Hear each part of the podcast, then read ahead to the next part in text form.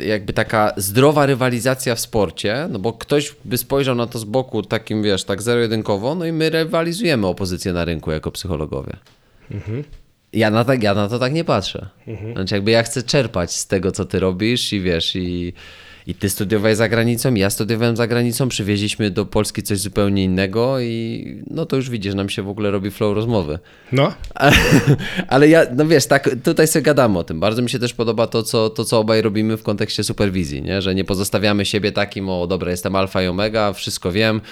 E, I, I wiesz, i, i, i, to też jest, wydaje mi się, taka przestroga, żeby, żeby dawać, e, dawać takie dobre wskazówki też i przesiewać ten rynek, nie? żeby ktoś nie przychodził i sobie mówił, jestem, wiesz, trener mentalny, skończyłem dwa kursy i, i cię wyleczę ze wszystkich twoich problemów, nie? Tak mi się wydaje, żeby że chciałbym troszeczkę chyba wjechać też na ten, yy, na ten przesiewowy rynek, nie? No dobra, możemy, możemy spróbować. Możemy podej podejmuję rękawice na pewno. Podejmujesz. I tak yy, słucham ciebie teraz i myślę, że tak naprawdę to tego nie trzeba wycinać, co teraz mówisz, ale zobaczymy, zobaczymy. Dobra, dobra, to ja czekaj, ja włączę. A nie masz nagrane, nie masz włączonego wideo, dobra. Cześć. Nazywam się Mateusz Brela i witam Cię w moim podcaście Champions Way. Audycja o psychologii sportu i nie tylko. Jest mi niezmiernie miło, że chcesz ze mną kroczyć tą mistrzowską drogą. Ten podcast, ta audycja przede wszystkim dla każdego, kto szuka czegoś więcej, kto chciałby się rozwijać i kto chciałby znaleźć swój kawałek podłogi nie tylko w tematyce psychologii w sporcie, bo w tej audycji poruszam wiele różnych innych tematów z różnych dziedzin życia codziennego. Zatem zapinamy pasy, tankujemy płyny i zapraszam Cię do wspólnej podróży. Do rozmowy w 148 odcinku podcastu Champions Way usiadło dwóch psychologów, psychologów pracujących głównie w sporcie.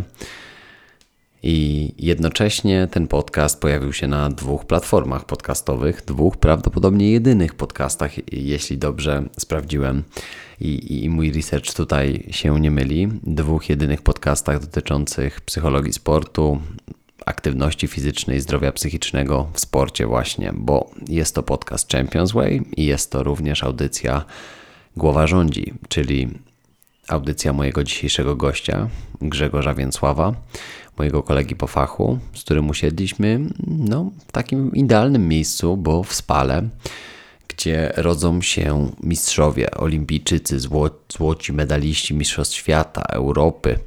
Bardzo fajne miejsce, myślę, że takie idealne do, do dyskusji dwóch psychologów i wydaje mi się, że ta rozmowa troszkę nam popłynęła w, w różnych kierunkach i poprosiliśmy również na końcu tej rozmowy o taką szczerą opinię i ocenę tego, czy może powinniśmy się skupić na jakimś konkretnym temacie, może za bardzo się rozwa rozwarstwiliśmy w niektórych kwestiach, jesteśmy otwarci na na, na Twoje podpowiedzi, na Twoje komentarze i z chęcią nagramy jeszcze jeden taki wspólny odcinek.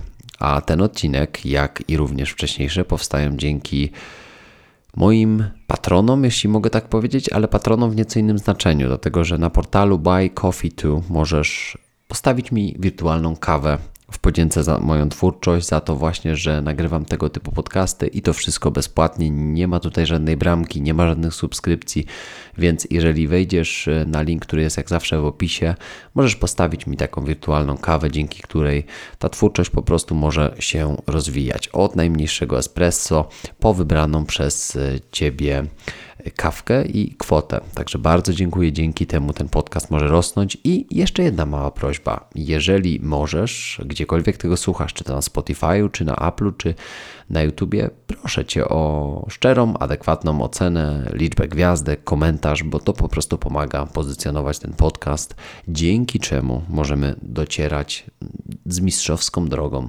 do jeszcze większej liczby odbiorców i odbiorczyń. A teraz zapraszamy wraz z Grzegorzem Więcławem na wspólny podcast.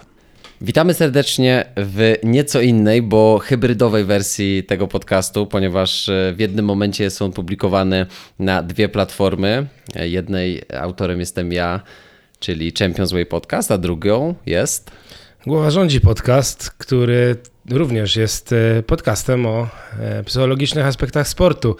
Siedzimy z Mateuszem w e, Centralnym Ośrodku Sportu w Spale. I jak to bywa, w Spale można spotkać bardzo ciekawych ludzi i nagrać nie jeden odcinek podcastu. I tak, I tak też się wydarzyło tym razem. I my, my przed chwilą już e, dyskutowaliśmy o tym, jakby tu rozpocząć tą rozmowę, po czym, po czym Grzegorz powiedział, w sumie to tutaj nie ma czego już wycinać, bo, bo się fajnie zaczęło. Fajnie się zaczęło. Zobaczymy, czy to, co było przed rozpoczęciem nagrywania, też się pojawi.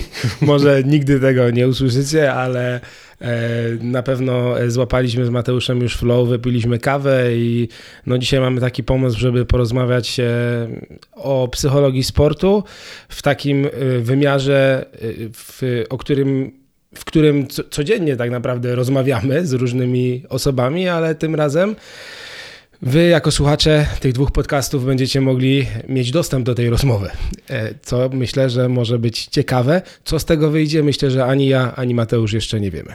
Bo takie założenie też mieliśmy, żeby to była dyskusja dwóch psychologów, którzy, którzy wspólnie dążą do tego, żeby psychoedukować, żeby wprowadzać coś dobrego do świata psychologii sportu.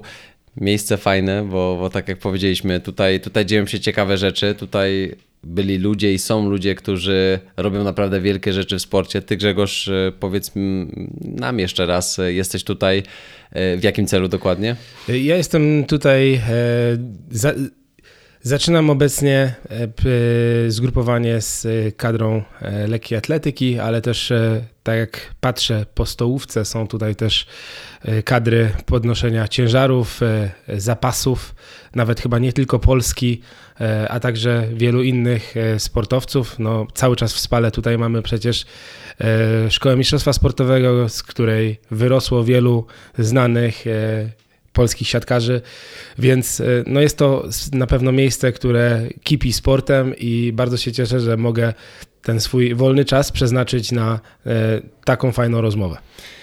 Ja Ci dziękuję, że mnie gościsz tutaj w swoim małym studio e, w, w Spale, w swoim, swoim, swoim pokoju. Natomiast ja bym chciał, żeby moja społeczność dowiedziała się trochę więcej o Tobie, a zauważyłem, że Ty w swoim podcaście też dawno nie mówiłeś o sobie. Czyli o tym, e, kim ty dzisiaj jesteś, co, co robisz, bo chyba poświęciłeś temu jeden z pierwszych, czy, tak. czy kilka pierwszych odcinków, prawda, żeby bardziej się przedstawić, co zresztą zrobiłem też ja i tak mi się czasami tak. wydaje, że zapominamy o tym, że ta społeczność w jakiś sposób się na pewno miesza, jest różnorodna, pojawiają się nowi ludzie, zwiększa nam się to grono obserwujących, a może fajnie wrócić do podstaw, nie? I o to chciałem cię zapytać. tak. Rzeczywiście, wzorem, e, wzorem amerykańskich podcasterów e, zdecydowałem się nagrać taki odcinek Zero, w którym jestem solo. E, nigdy wcześniej nie reklamowałem tego odcinka i jeżeli ktoś do niego docierał, to naprawdę chciał się dowiedzieć, kim jestem i skąd się w ogóle wziąłem.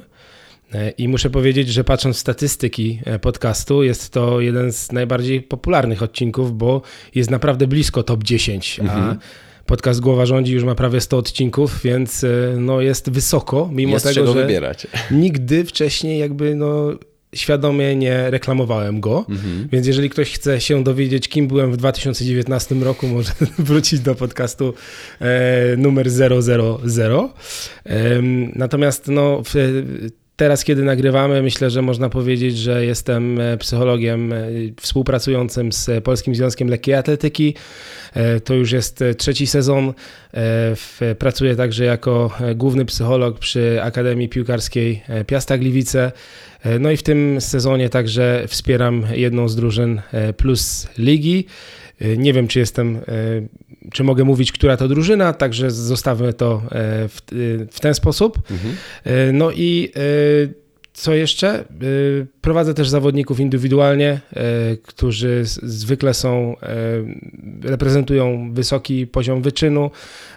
Raczej to jest taki mój target i, i, i coś, w czym staram się specjalizować. Jeżeli chodzi o dyscypliny sportu, to ten przekrój jest naprawdę bardzo szeroki i tutaj nie ograniczam się do jednej konkretnej dyscypliny sportu. Uważam, że psychologia jest uniwersalna i może e, wspomagać sportowców i trenerów i, i inne osoby związane z wyczynem w bardzo uniwersalny sposób.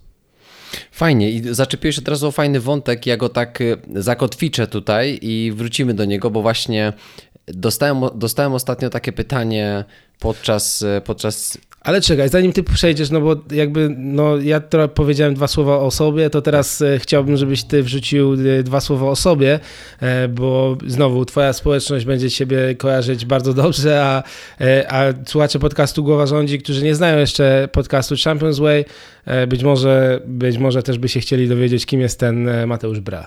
Tak, tak. To, to, to do tego wrócę i zakotwiczę ten temat, żeby też nam został w głowie, dobra? Dawaj, Czyli no.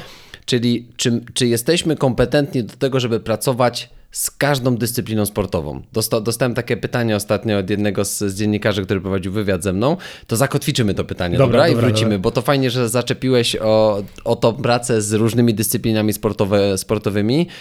Ja mogę to samo powiedzieć o sobie i zatrzymajmy, dobra? I, i wrócę do, do tego faktycznie, powiedzieć, kim ja jestem, bo faktycznie początki, mo, początki mistrzowskiej drogi, tak się, tak się nazywał ten pierwszy odcinek mojego podcastu, ten właśnie te, u ciebie nazwany odcinek Zero, który dotyczył tego, kim jestem, skąd w ogóle się wziąłem i, i, i, dlaczego, dlaczego nagrywam podcast. To był wtedy listopad 2019, więc w tym samym roku ja troszeczkę później zacząłem nagrywać swoją audycję.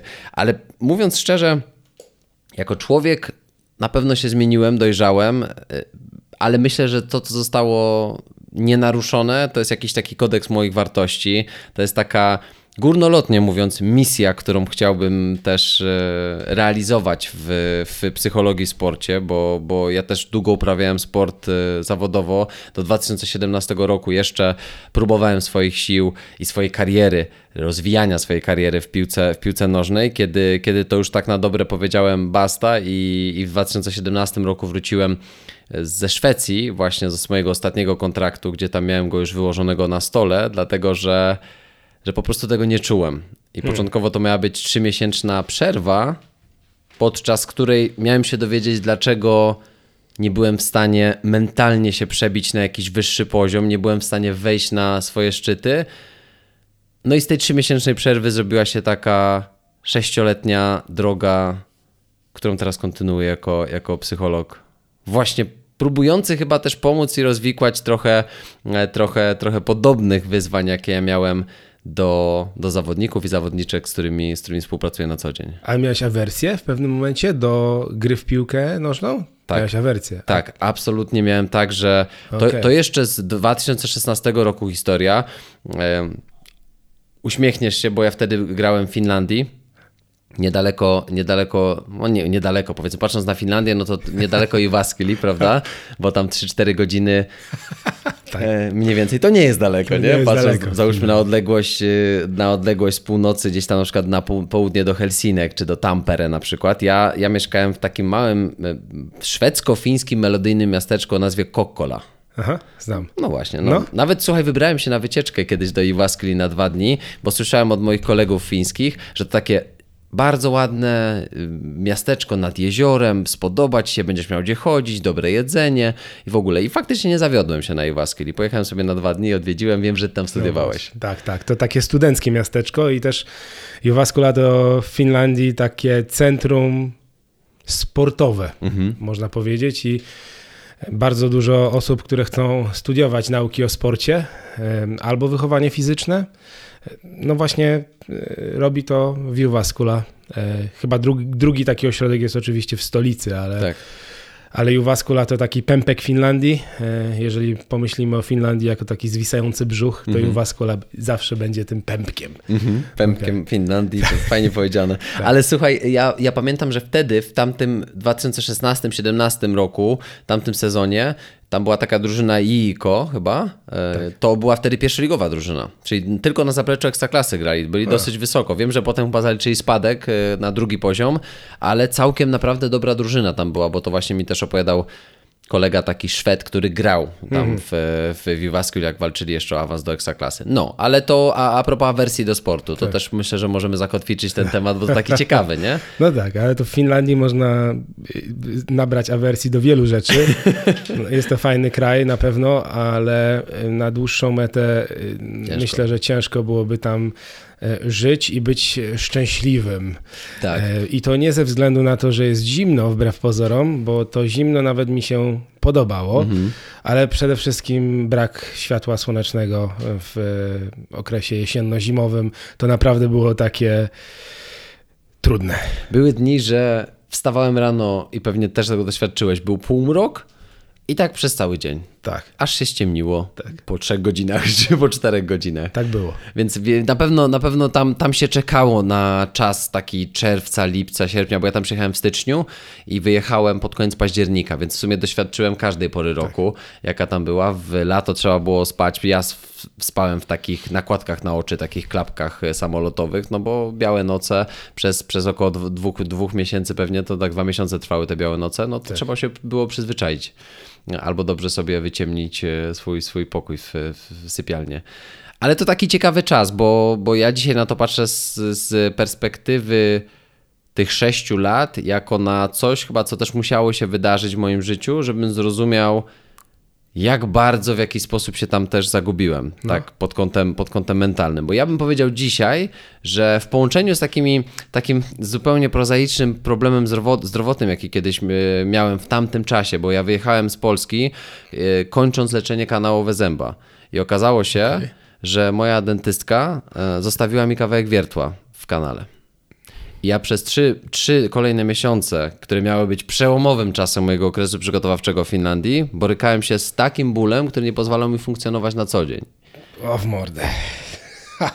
I powiem ci, że nie zdziwiłbym się, gdyby trzy miesiące brania leków trzy razy dziennie, żeby móc wstać i funkcjonować, żeby móc iść na trening i żeby móc usnąć. I tak przez bite trzy miesiące też w jakiś sposób nie doprowadziły mnie do tego, że ja w październiku miałem awersję do w ogóle jakiegokolwiek treningu, który był związany z, z piłką nożną.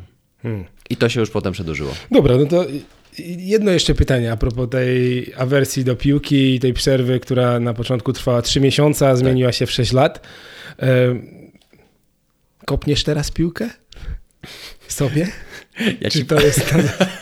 Nie chcę już mieć z tym sportem nic wspólnego i robię różne inne rzeczy. No to mały spoiler, bo ja zrobiłem sobie rok przerwy od piłki, jak już wtedy po tych trzech miesiącach stwierdziłem, że idę mm, all in w psychologię, prawda? E, Decyduję, decyduję się maksymalnie na, na zaangażowanie w, w ten świat. Pierwsze studia, które, które skończyłem w Stanach, to po- podobny, podobny kontynent, bo ty w Kanadzie przecież Vancouver kończyłeś Zgadza się? e, swoje studia, Dobry tu- research. tak, tu się znowu drogi łączą. Ja już miałem e, pewien, pewien taki background e, i miałem pewne zaplecze z, z psychologii sportu. To było na poziomie tamtejszego bakałaża, nie wiem czy jak jest w Kanadzie. Licencja to po polsku. Tak, tylko że... Bachelorate. Bachelor, właśnie. Tylko, że ten bachelor to jest takie... To jest takie coś więcej niż licencja. No. Tam, nie? Tak. Próbowałem to kiedyś tłumaczyć osobom, które miały nostryfikować moje dyplomy w Polsce, ale. Nie. No, nieważne. Nie. To inny wątek. Licencjat. Tutaj jak Tak. tłumaczymy, to musi być licencja. I ja, ja wtedy jakby już czułem, że to, to jest ciekawe. Ja nic nie wiedziałem o, o temacie psychologii sportu w Polsce. Nikogo nie znałem. W tamtym czasie no powiedziałbym, że, że chyba psychologia wtedy raczkowała. Oj, no nie wiem, to wiesz. Co ty myślisz o tym? Według naszej najlepszej wiedzy, weryfikowałem to z kilkoma e, kolegami po fachu, pierwsi psychologowie sportu, którzy byli na igrzyskach w polskiej kadrze, to Barcelona 1992. No. Więc nie możemy powiedzieć, że psychologia sportu raczkowała na początku XXI wieku. No. No nie, nie możemy tak powiedzieć. Mhm. E, Ta psychologia sportu była e, w różnych wymiarach, ale na pewno to, co możemy powiedzieć, to to, że przez zaangażowanie profesora Janka Blecharza w pracę ze skoczkami e, i całą, całą, cała małyszomania Tak. napędziła zainteresowanie psychologią sportu. To myślę, że możemy tak powiedzieć o tym, e, ale wtedy no, myślę, że ta psychologia sportu była już e, w wieku szkolnym spokojnie. Tak, to myślę, to, tak, tak, tak jak wspomniałeś, myślę, że to jest złe określenie, że raczkowała. Dobrze, że mnie sprostowałeś. Ale ludzie jakby nie korzystali z tego w taki sposób, e, jak korzystają teraz e, w Polsce. Może raczkowała na poziomie mentalnym u ludzi, na poziomie świadomości. Tak, tak. Ale ja ci powiem też ciekawą rzecz a propos tego, to może jest znowu taka e, boczna uliczka, i, ale tak miało być. Tak. E, bo, bo cały czas e, pokutuje takie przeświadczenie i czas, często polscy psychologowie mówią, że, że jak to jest świetnie na zachodzie i że w Polsce e, ta psychologia sportu nie jest wdrażana i że sportowcy w Polsce jeszcze mają dużo do zrobienia pod tym względem i tak dalej, i tak dalej, to powiem Ci, że byłem ostatnio na Pucharze Świata w skokach narciarskich w Norwegii. I tam się spotkałem z moim y, starym, dobrym znajomym, który jest psychologiem organizacji, Okej. czyli pracuje w korporacjach. I on mi powiedział, że norwescy psychologowie sportu patrzą na Polskę jako ideał w kontekście tego, jak szeroko rozpowszechniona jest współpraca sportowców z psychologami. I wtedy Fajnie, że- szczena opadła. Fajnie, że to powiedziałeś. Nie? Bo no, myślę, że tutaj oczywiście robotę robi, e, ro, robią poszczególne nazwiska, y, które są znaczące Tak. w światowym sporcie, którzy, które mówią o tym na głos, że współpracują z psychologiem, że to e, daje określone korzyści, zarówno, zarówno te związane z wykonaniem sportowym, jak i te związane z ogólnym dobrostanem i funkcjonowaniem w, w swoim życiu. No to myślę, że zrobiliśmy jakąś e, robotę y, i no nie jest to już e, kompletny kosmos i odjazd, jeżeli ktoś mówi w Polsce, że korzysta z usług psychologa. I mamy być z czego dumni. No, na pewno są, są rzeczy, z których możemy być dumni, Mateusz. Ale wiem, wiesz, a ja, ja to tak rzuciłem specjalnie, bo mam wrażenie, że my często jako społeczeństwo i, i mamy takie pokłosie takiego stłamszonego kraju, który jest taki niepewny siebie w swoich działaniach. I odczarowują to tacy ludzie jak Iga Świątek, Robert Lewandowski, Jan Błachowicz, czy właśnie wspomniany przez ciebie Adam Małysz, Kamil Stoch, czy, czy Dawid Kubacki. I tak moglibyśmy wymieniać, prawda? W różnych innych sportach. Tak. Ale dlaczego jako specjaliści, nie? My mamy, się, my mamy się czegokolwiek wstydzić. Jakby spojrzeć na przykład na podcasty w Stanach Zjednoczonych prowadzonych przez psych psychologów sportu. Znasz więcej niż jeden? Ze Stanów? Nie wiem. Jakby ciężko mi jest kategoryzować, które podcasty są z jakiej części Amerykański świata. psycholog sportu na przykład, nie? Kto prowadzi taki podcast? Hmm? Kurczę, nie, nie wiem. Mnie przychodzi jeden, Michael Gervais. A, dobra, No. dobra, Finding Mastery. Dokładnie. Finding Mastery. To jeszcze, ja, ja go słuchałem w 2016 roku, jak Tak. sobie spacerowałem właśnie w Finlandii nad, nad. Zatoką Morza Bałtyckiego. I... I to jest sensowny podcast. Chociaż Mhm. dawno nie słuchałem jakichś takich świeżych odcinków, więc nie wiem, w którą stronę on poszedł, ale rzeczywiście Finding Mastery jest, y, jest dobrym podcastem do tego, żeby, Tak. e, żeby odpalić taką rz- rzetelną e, psychologię sportu, ale która też jest podana w taki s- lekko strawny sposób. Tak, bo on podaje bardzo proste, przyziemne przykłady. Jest Tak. oczywiście więcej psychologów, którzy, wiesz, którzy wychodzą z tymi tematami na zewnątrz, no, tak. ale tak sobie... Jest, y, jest podcast, y, ale on już chyba jest martwy. The Sport Psych Show. Y, To Okej. jest ym, psycholog z Anglii. On się nazywał. Widzisz. Nie pamiętam teraz Mhm. nazwiska. Ja też nie nie sobie jestem zaraz y, y, przypomnę. Y, A jak sobie nie przypomnę, to gdzieś tam możemy w link, linkach umieścić. Tak. Ale rzeczywiście te, te podcasty o tematyce y, stricte psychologii sportowej ym, no są rzadkie. Tak. Takie, ym, które, które możemy tutaj polecić. No a my to pielęgnujemy.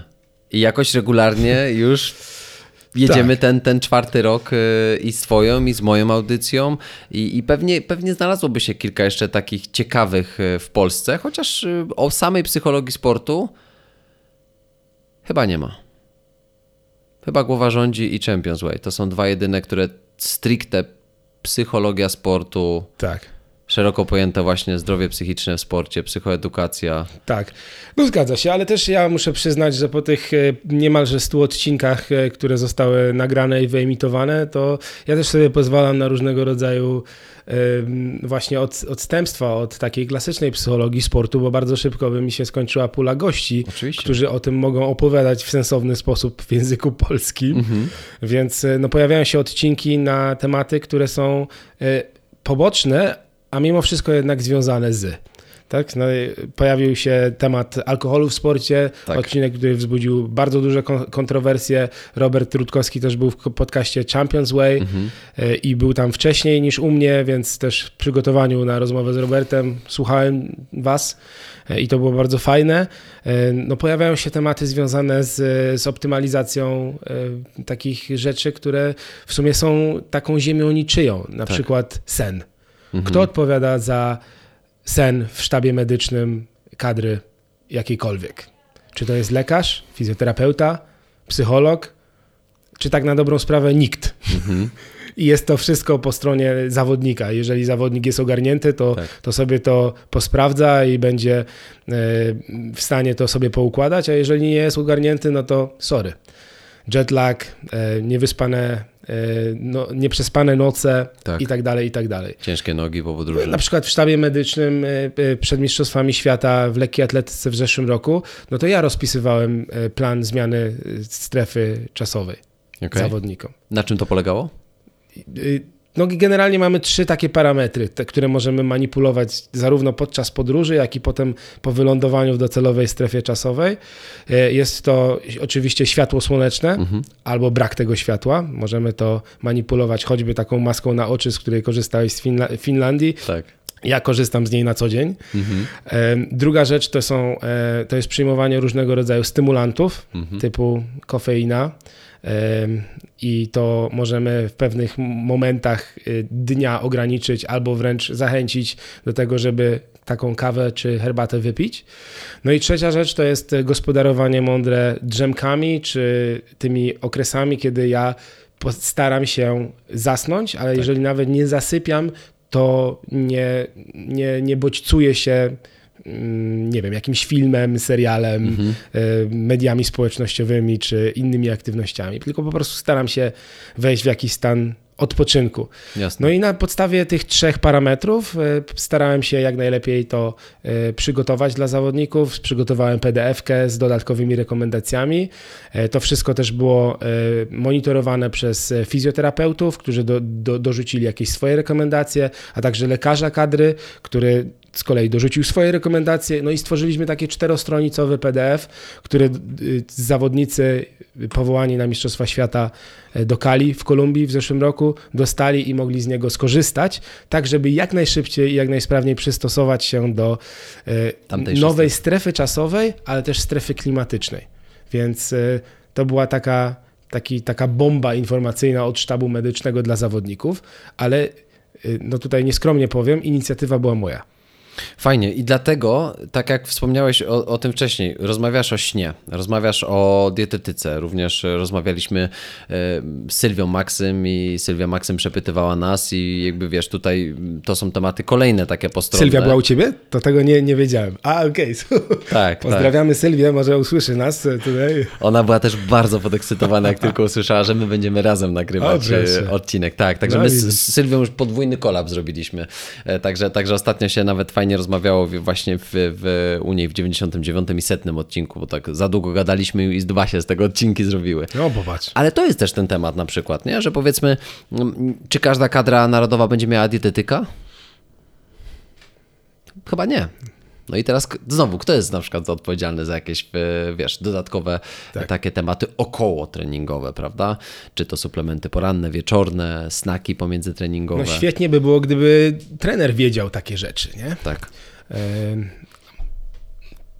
No ale z drugiej strony też trener, przynajmniej na tym najwyższym poziomie wyczynu, bardzo często po prostu nie ma czasu na to, żeby rozkminiać te rzeczy, bo jest zajęty innymi rzeczami, takimi rzeczami powiedziałbym makro, tak? A gdzie tutaj ci specjaliści, tacy właśnie jak psychologowie, dietetycy, to są takie właśnie elementy dekoracyjne na torcie. tak, tak.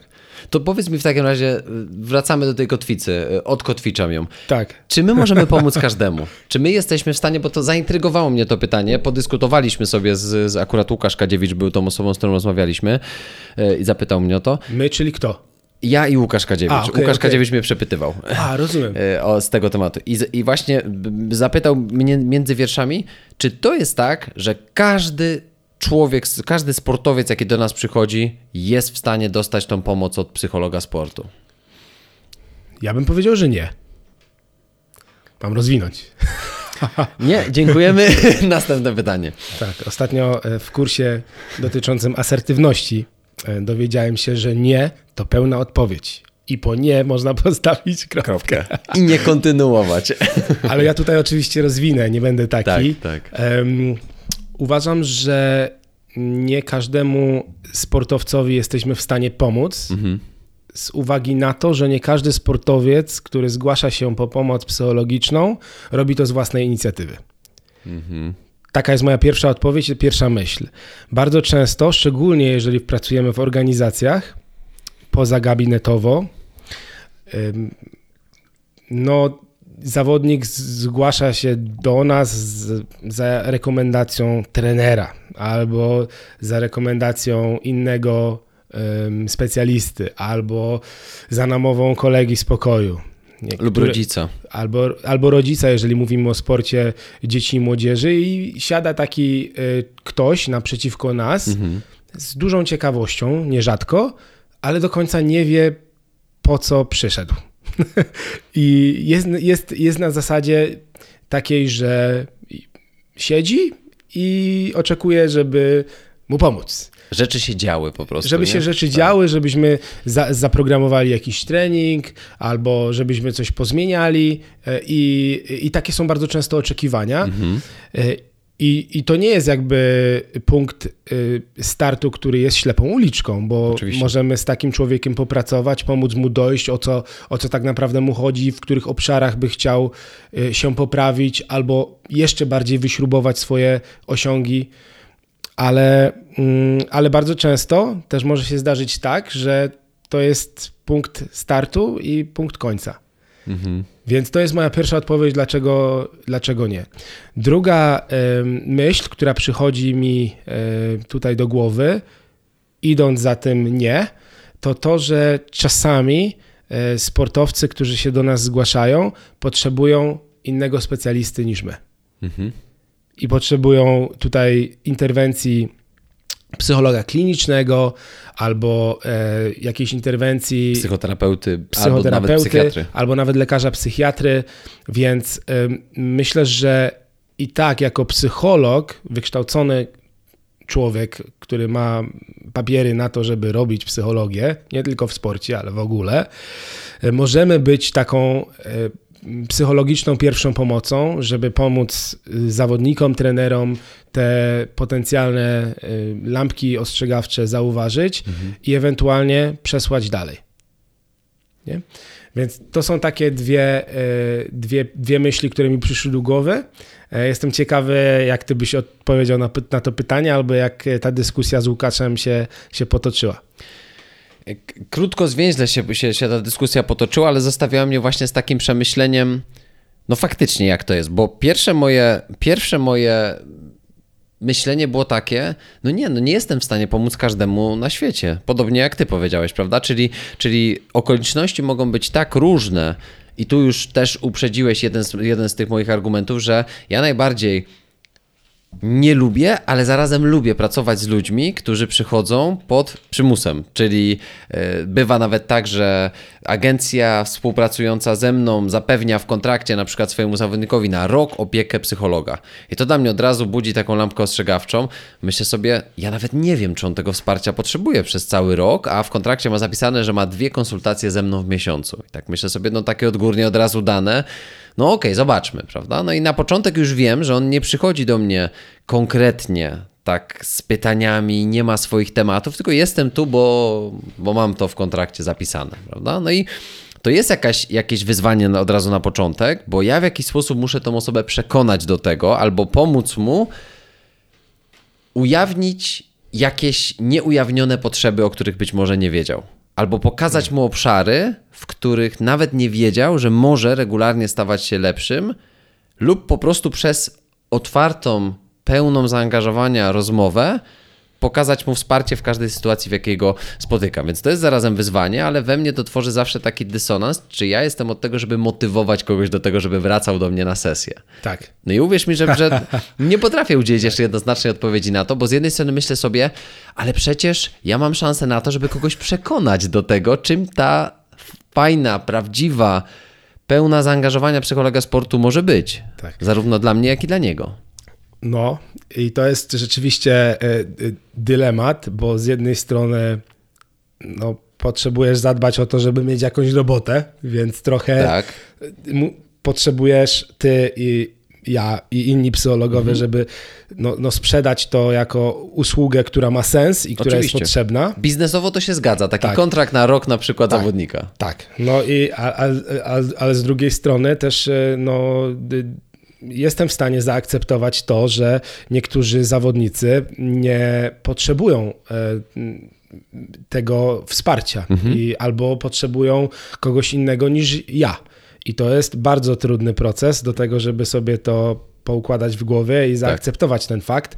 I, I nieraz się okazywało, że no, ja nie byłem właściwym psychologiem, dla danego zawodnika albo zawodniczki, bo na przykład nie zgadzał się wiek albo płeć, albo to nie był odpowiedni moment na, na tę interwencję. Mm, Okej. I no i to jest e, trudne też do przepracowania e, w swojej własnej głowie. Tak. Najlepiej w żurnalu jakimś albo pod superwizją, Mhm. em, bo no, my psychologowie wbrew pozorom, albo może właśnie y, po prostu y, jesteśmy też ludźmi, też mamy swoje emocje, swoje procesy pootwierane różne. Tak, tak. Y, Też mam nadzieję, że pracujemy nad sobą y, i y, oprócz poszerzania swojego narzędziownika, też y, no, jesteśmy w jakimś procesie y, być może własnej terapii albo przynajmniej y, superwizji, tak żebyśmy patrzyli na to z, z góry. No nie? Więc to są takie luźne myśli znowu,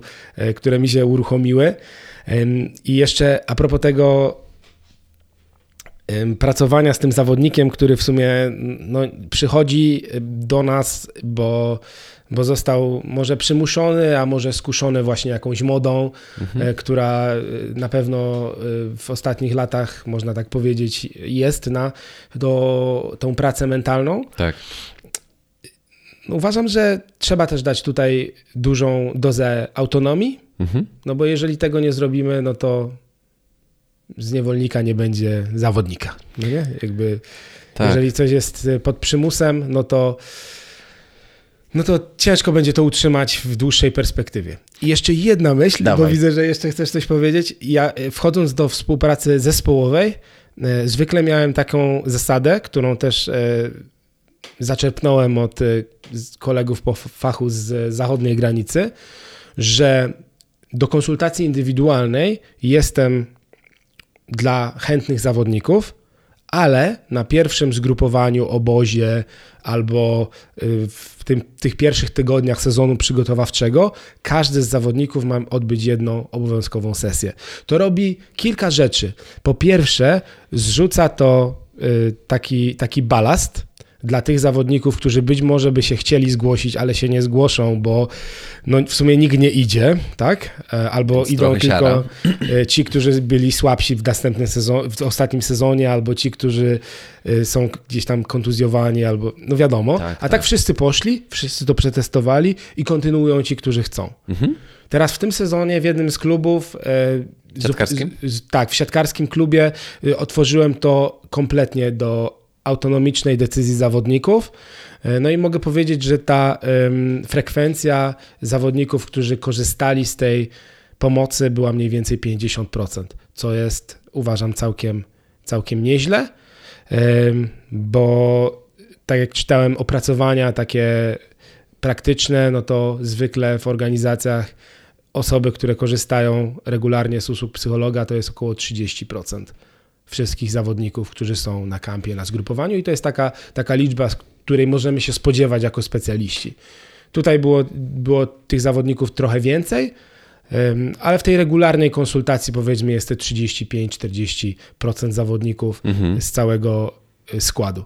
Myślę, że, że, że to dużo większa świadomość, dojrzałość. Też chyba ta Plus Liga świadczy o tym, że, że, że tak jest, tak, tak sądzę, ale uważam też, że musiałeś ich po prostu przekonać z sobą, jako osoba, jako specjalista i tym, co możecie zrobić podczas wspólnej konsultacji. Więc ja bym powiedział tutaj, nie zabieraj sobie też y, tego, tego aplauzu, prawda? Ta, no wiadomo, jakby to, to, to jest też e,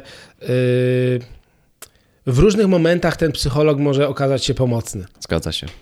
To też nie jest tak i po, staram się odklejać od tego, żeby na, narzucać się zawsze Tak. przez cały, przez cały okres. Czasami jest tak, że tego kontaktu jest mniej i potem nagle jest bardziej intensywny, bo Bo jest, potrzeba. Dokładnie. Mhm. To ja wrócę do, do tej myśli, bo, bo znowu mamy bardzo zbieżne myślenie pod, pod tym kątem. Może mi też po, po, podpowiesz albo, albo, albo sam też stwierdzisz, y, jak to może dobrze, przepraszam, jaki wpływ to może wywierać na zawodnikach, kiedy właśnie trener wraz z tym sztabem medycznym, którego częścią na przykład jestem ja, otwiera coś takiego, ale znowu kotwiczę, żeby, żeby to mi nie umknęło, bo chciałem jeszcze jedną rzecz dorzucić do tego, do tego, czy jesteśmy w stanie pomóc każdemu. Bo pojawiła mi się jeszcze jedna myśl, wiesz, że przecież na pierwszym miejscu przychodzi do nas zawsze człowiek. I teraz ten człowiek, jak do nas przyjdzie, to nasze pełne zaangażowanie, nasze bycie w, stuprocentowej obecności, dania maksa z siebie podczas tej konsultacji, nawet jak to jest konsultacja, która w jakiś sposób może jest nawet nieinteresująca tego zawodnika, bo przyszedł przymuszony, albo okazuje się po tej konsultacji, że my nie kliknęliśmy, albo że potrzeba jest zupełnie innego specjalisty, to to już jest pomoc. W mojej ocenie. To ładnie powiedziane. Podoba mi się. I tak myślę sobie, że wiesz, że nawet jeżeli ta pomoc miałaby się skończyć tym, że ta współpraca nie jest kontynuowana, to czy na jakimś poziomie wsparliśmy, pomogliśmy, pokazaliśmy drogę, nie zachęciliśmy, pokazaliśmy zawodnikowi, ok, dobra, chyba wiem z kim nie chcę już pracować. To też jest w jakiś sposób pomoc i wsparcie. Jeżeli my daliśmy z siebie maksa, Tak. no, moi słuchacze wiedzą, e, ale twoi być może nie, a może mamy wspólnych słuchaczy, to, to wtedy wiedzą. ale e, w zeszłym roku kończyłem studia podyplomowe z terapii akceptacji i zaangażowania i tam na jednym z wykładów prowadzący powiedział, że e, czytał przedstawił takie opracowanie. W sumie nie wiem, czy to było badawcze, czy anegdotyczne, ale z jakiegoś żurnala naukowego, że dopiero trzeci, czwarty terapeuta jest tym, który pomaga. wow, Nie wiem, czy to może e, się prze, przenieść w jakiś sposób na, na naszą pracę psychologiczną w sporcie, ale e, no właśnie to jest to, e, do czego myślę, że możemy zachęcić zawodników, że jeżeli psycholog, z którym współpracujesz te, teraz albo w, na którym się w jakiś sposób sparzyłeś, e, nie wiem, nie pomógł ci, to, to szukaj dalej. Analogia jest bardzo prosta. Jeżeli idziesz, boli cię noga, idziesz do fizjo i ten fizjo ci nie pomoże, to nie skreślasz zawodu fizjoterapeuty, tylko idziesz, dalej. do kolejnego fizjo i szukasz tej pomocy dalej. A w naszej działce mam wrażenie, Mateusz, że jeżeli ktoś się sparzył na jednym doświadczeniu z psychologiem czy jakimś trenerem mentalnym, no to jakby skreśla działkę pracy nad swoim mentalem ze specjalistą tak. i już nie szuka dalej. I to myślę, że taki luźny apel do tego, żeby, żeby szukać takiej osoby, z, którym, z którą, tak jak powiedziałeś, klikamy, Tak. której możemy w jakiś sposób zaufać i w którą w jakiś sposób wierzymy, że może nam pomóc.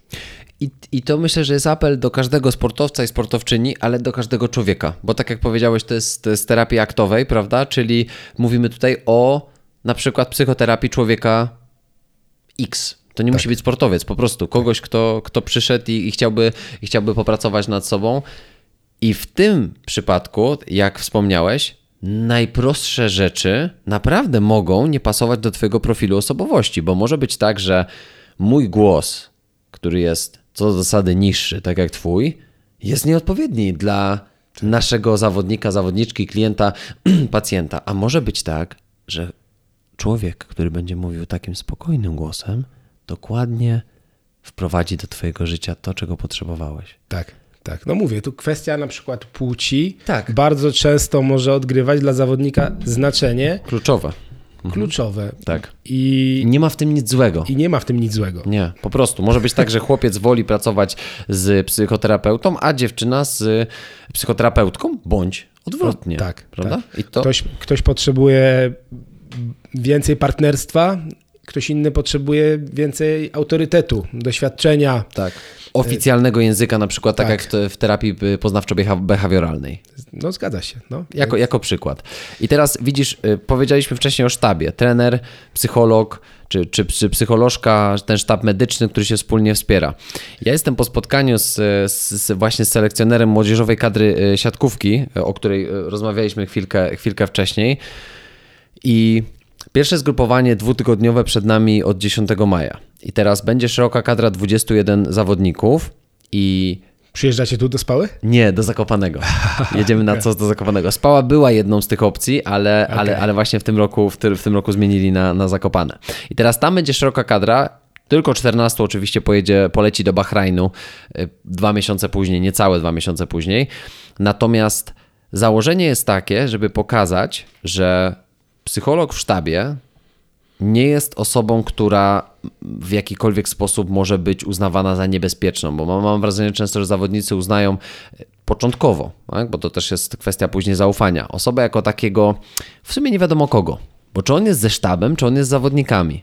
Czy on Z mówi. kim ty trzymasz? Tak, z kim ty trzymasz, chłopie, albo, albo, albo babo, prawda? Czy ty przekazujesz informacje, które są podczas spotkań warsztatowych, indywidualnych do sztabu, a czy na przykład ze sztabu wynosisz rzeczy może i mówisz zawodnikom, prawda? Kim ty w ogóle jesteś? Jakby, czy ty jesteś łącznikiem, czy ty jesteś kimś pomiędzy? To jest, bardzo, to jest bardzo ważna granica, którą myślę, że na początku trzeba ustalić, ale tak jak wspomniałeś, zawodnik Uważasz, że może mieć takie myślenie, to jest pierwsze pytanie, że nie podzielę się z tym psychologiem na początku czymś, co może mi siedzieć, bo ci wszyscy zawodnicy i zawodniczki, często tak jak tutaj do Spały przyjeżdżają, po jakichś swoich sezonach, po swoich różnych y, turniejach, mistrzostwach, pucharach i oni przy, przywożą tutaj do takiej w tym wypadku 21-osobowej kadry siatkarzy, zawodników plus 6-7 oso- osób w sztabie, bagaż doświadczeń. I teraz my chcemy zachęcić tych zawodników do dokładnie tego, o czym ty mówiłeś wcześniej, czyli żeby podczas pierwszego zgrupowania, najlepiej podczas pierwszego tygodnia tego pierwszego zgrupowania, odbyły się spotkania indywidualne, zarówno ze mną, każdy zawodnik oprócz spotkań warsztatowych spotka się ze mną na przynajmniej te 15 do 20 minut, ale każdy zawodnik spotka się też z pierwszym trenerem który jakby zachęci do tego, że spotkanie ze mną jest tak samo ważne, jak spotkanie z tym psychologiem. I tam macie pełną autonomię, pełen, pełen luz, macie pełne zaufanie podczas tego spotkania. Wy możecie pokierować tym spotkaniem, możecie powiedzieć, co wam y, leży, co was boli. Nie ma żadnej obawy, że gdziekolwiek to, to wyjdzie na No i zewnątrz. to jest jakby teraz kwestia dobrego ułożenia sobie tego settingu. Tak. E, ale też uważam, że duża część tej roboty jest po stronie trenera. Mhm. Ja kiedyś za dochowanie tajemnicy e, konsultacji straciłem robotę w Wow. klubie na najwyższym szczeblu, bo zawodnik jak odchodził z klubu, powiedział trenerowi, tylko psychologowi mogłem powiedzieć o tym i o tym. A trener otworzył oczy i następnym miesiącu mnie już nie było w klubie. Wow. I, i, ale to jest, to jest mega ważne, o czym teraz mówisz. I, teraz uważam, że bardzo dużo zaczyna się od trenerów, e, żeby zbudowali coś, co w literaturze nazywa się e, takie bezpieczeństwo psychologiczne. Psychological safety. Myślę, że to tak można przetłumaczyć na język polski. Nie, nie skaleczyliśmy tego. I od trenera to się zaczyna. Ale też z drugiej strony, jeżeli jesteś w organizacji, no to rzeczywiście stoisz jako psycholog trochę okrakiem, no bo też chcesz być przydatny dla tej organizacji, dla trenera. Organizacja przecież jest w końcu płatnikiem, nie pracujesz tylko i wyłącznie dla, dla zawodnika. I coś, co e, też zmieniło moje postrzeganie tego, czym jest tajemnica zawodowa psychologa pracującego w sporcie, to, to wykład profesora Christophera Hendriksena z teamu Denmark, e, jednego z e, tutaj psychologów, który bardzo mocno promuje terapię akceptacji i zaangażowania w sporcie. Wiele artykułów naukowych e, i popularno-naukowych na ten temat. I on w swojej pracy z olimpijczykami z Danii czasami po prostu odwracał to tę kwestię yy, tajemnicy zawodowej. Czyli nie mówię na początku sesji, że wszystko, co tu się wydarzy, zostaje między nami, chyba że no, będzie to zagrażało Twojemu zdrowiu i życiu. Tak. Nie? I zamykamy to na klucz. Ale jako psycholog jestem czujny na rzeczy, które być może mówisz mi, a nie powiedziałeś trenerowi, a ja oceniam je jako pomocne w procesie szkolenia. I na koniec tej sesji mówię: Hej, słuchaj, mówiłeś o tym trenerowi? Zawodnik mówi nie. A czy moglibyśmy wspólnie znaleźć sposób na to, żeby mu przekazać te informacje? Bo wierzę, że temu trenerowi to pomoże w lepszym prowadzeniu ciebie jako sportowca. Wow. I bardzo często wtedy jest odpowiedź twierdząca, i w jakiś sposób te informacje są, jesteśmy w stanie przekazać, zamiast zamykać to tylko i wyłącznie w jakimś kajecie na klucz e, i zostawiać to między nami, bo wtedy to może też e, mieć swoje negatywne konsekwencje. Bardzo mi się to podoba, mówiąc szczerze, bo tak jak powiedziałeś, to, to, to się zaczyna, to się musi zacząć od y, pierwszego trenera czy od sztabu w ogóle szkoleniowego, który jest też wyczulony na takie sytuacje. Jest wyczulony na takie ewentualne rozmowy, które właśnie zachodzą pomiędzy psychologiem a zawodnikiem, bo odpowiedź może być również nie. Może być. Chciałbym, żeby to zostało między nami. Prawda? I wtedy to jest. e, e, No, Tajemnica spowiedzi, tajemnica zawodowa, Tak, prawda? tak, Tak, tak. zwana. no tak, tak, ale y, wi- wiadomo, że czasami, czasami konsultacja Mhm. z psychologiem dotyczy trenera, relacji z trenerem. O tak. I to, to nie jest nic nadzwyczajnego, i no, często jako psychologowie musimy decydować, czy wchodzimy w tę, e, w tę relację i czy czujemy się na siłach w rozwiązywać być może jakiś konflikt albo e, układać tę, tę relację między nimi. E, Czy też e, po prostu wspieramy samego zawodnika e, i jego mechanizmy radzenia sobie w tej relacji, albo szukania jakichś alternatyw. Ale to też jest śliski grunt, bo Bardzo. e, no, zawodnik na podstawie konsultacji z psychologiem może na przykład zdecydować o zmianie trenera Mhm. Albo klubu, albo podjąć jakieś kroki e, w, w toku tej konsultacji, które potem nas stawiają w bardzo niewygodnej sytu, sytuacji To prawda. w, no, przed naszym pracodawcą, płatnikiem, przełożonym i tak dalej. Więc ten psycholog, jako ten informacyjny hub, w moim odczuciu, to jest naprawdę bardzo obciążająca, trudna fucha do tego, żeby ją robić etycznie względem wszystkich e, osób zaangażowanych w ten proces. Żeby przekazywać informacje, żeby nie, nie, nie, nie przyjmować wszystkiego jak gąbka, ale żeby przekazywać je w mądry, etyczny sposób. Dla mnie to jest zagadka, którą cały czas rozwiązuję i, Tak. i nie wiem, czy kiedykolwiek rozwiążę tak definitywnie, że będę mógł powiedzieć, bo no, zmiennych w tym algorytmie jest po prostu zbyt dużo. Plus bazujemy na prawdziwych relacjach, na emocjach, na tym, co się dzieje w, w danej chwili tu i teraz. Jakby to też jest ciężkie w momencie, kiedy mamy komunikację bez przemocy, prawda? NVC. I teraz w idealnym świecie stawiasz tego zawodnika, stawiasz trenera, który jest ok, zawodnik jest ok, jest otwarta komunikacja, wymiana zdań i oni na koniec rozmowy obaj są ok, poja- pojadają sobie rękę i nagle psycholog bije brawo, mówiąc y, ależ świetne przeprowadzenie mediacji, y, przeprowadzone mediacje psychologiczne, teraz pójdźcie i realizujcie swoje cele sportowe. No tak to nie wygląda. Może ktoś pomyśli, że tak nasza praca wygląda, ale bardzo często to jest zmaganie się Tak. z wieloma właśnie tego typu dylematami. I ja mam to samo. Też, też się zastanawiam, i to teraz jeszcze, jeszcze podpaliłeś bardziej ten, ten, ten znak zapytania w mojej, w mojej głowie, bo bardzo często w rozmowie z zawodnikiem, to myślę też, to, to, to będzie bliskie, bliskie, myślę, że wielu sportowcom i sportowczyniom teraz to, o czym mówimy, dlatego że często bywa tak, że ten trener jest ogniskiem, czy trenerka jest ogniskiem tego i takim wspólnym mianownikiem wielu różnych wyzwań i problemów e, sportowca.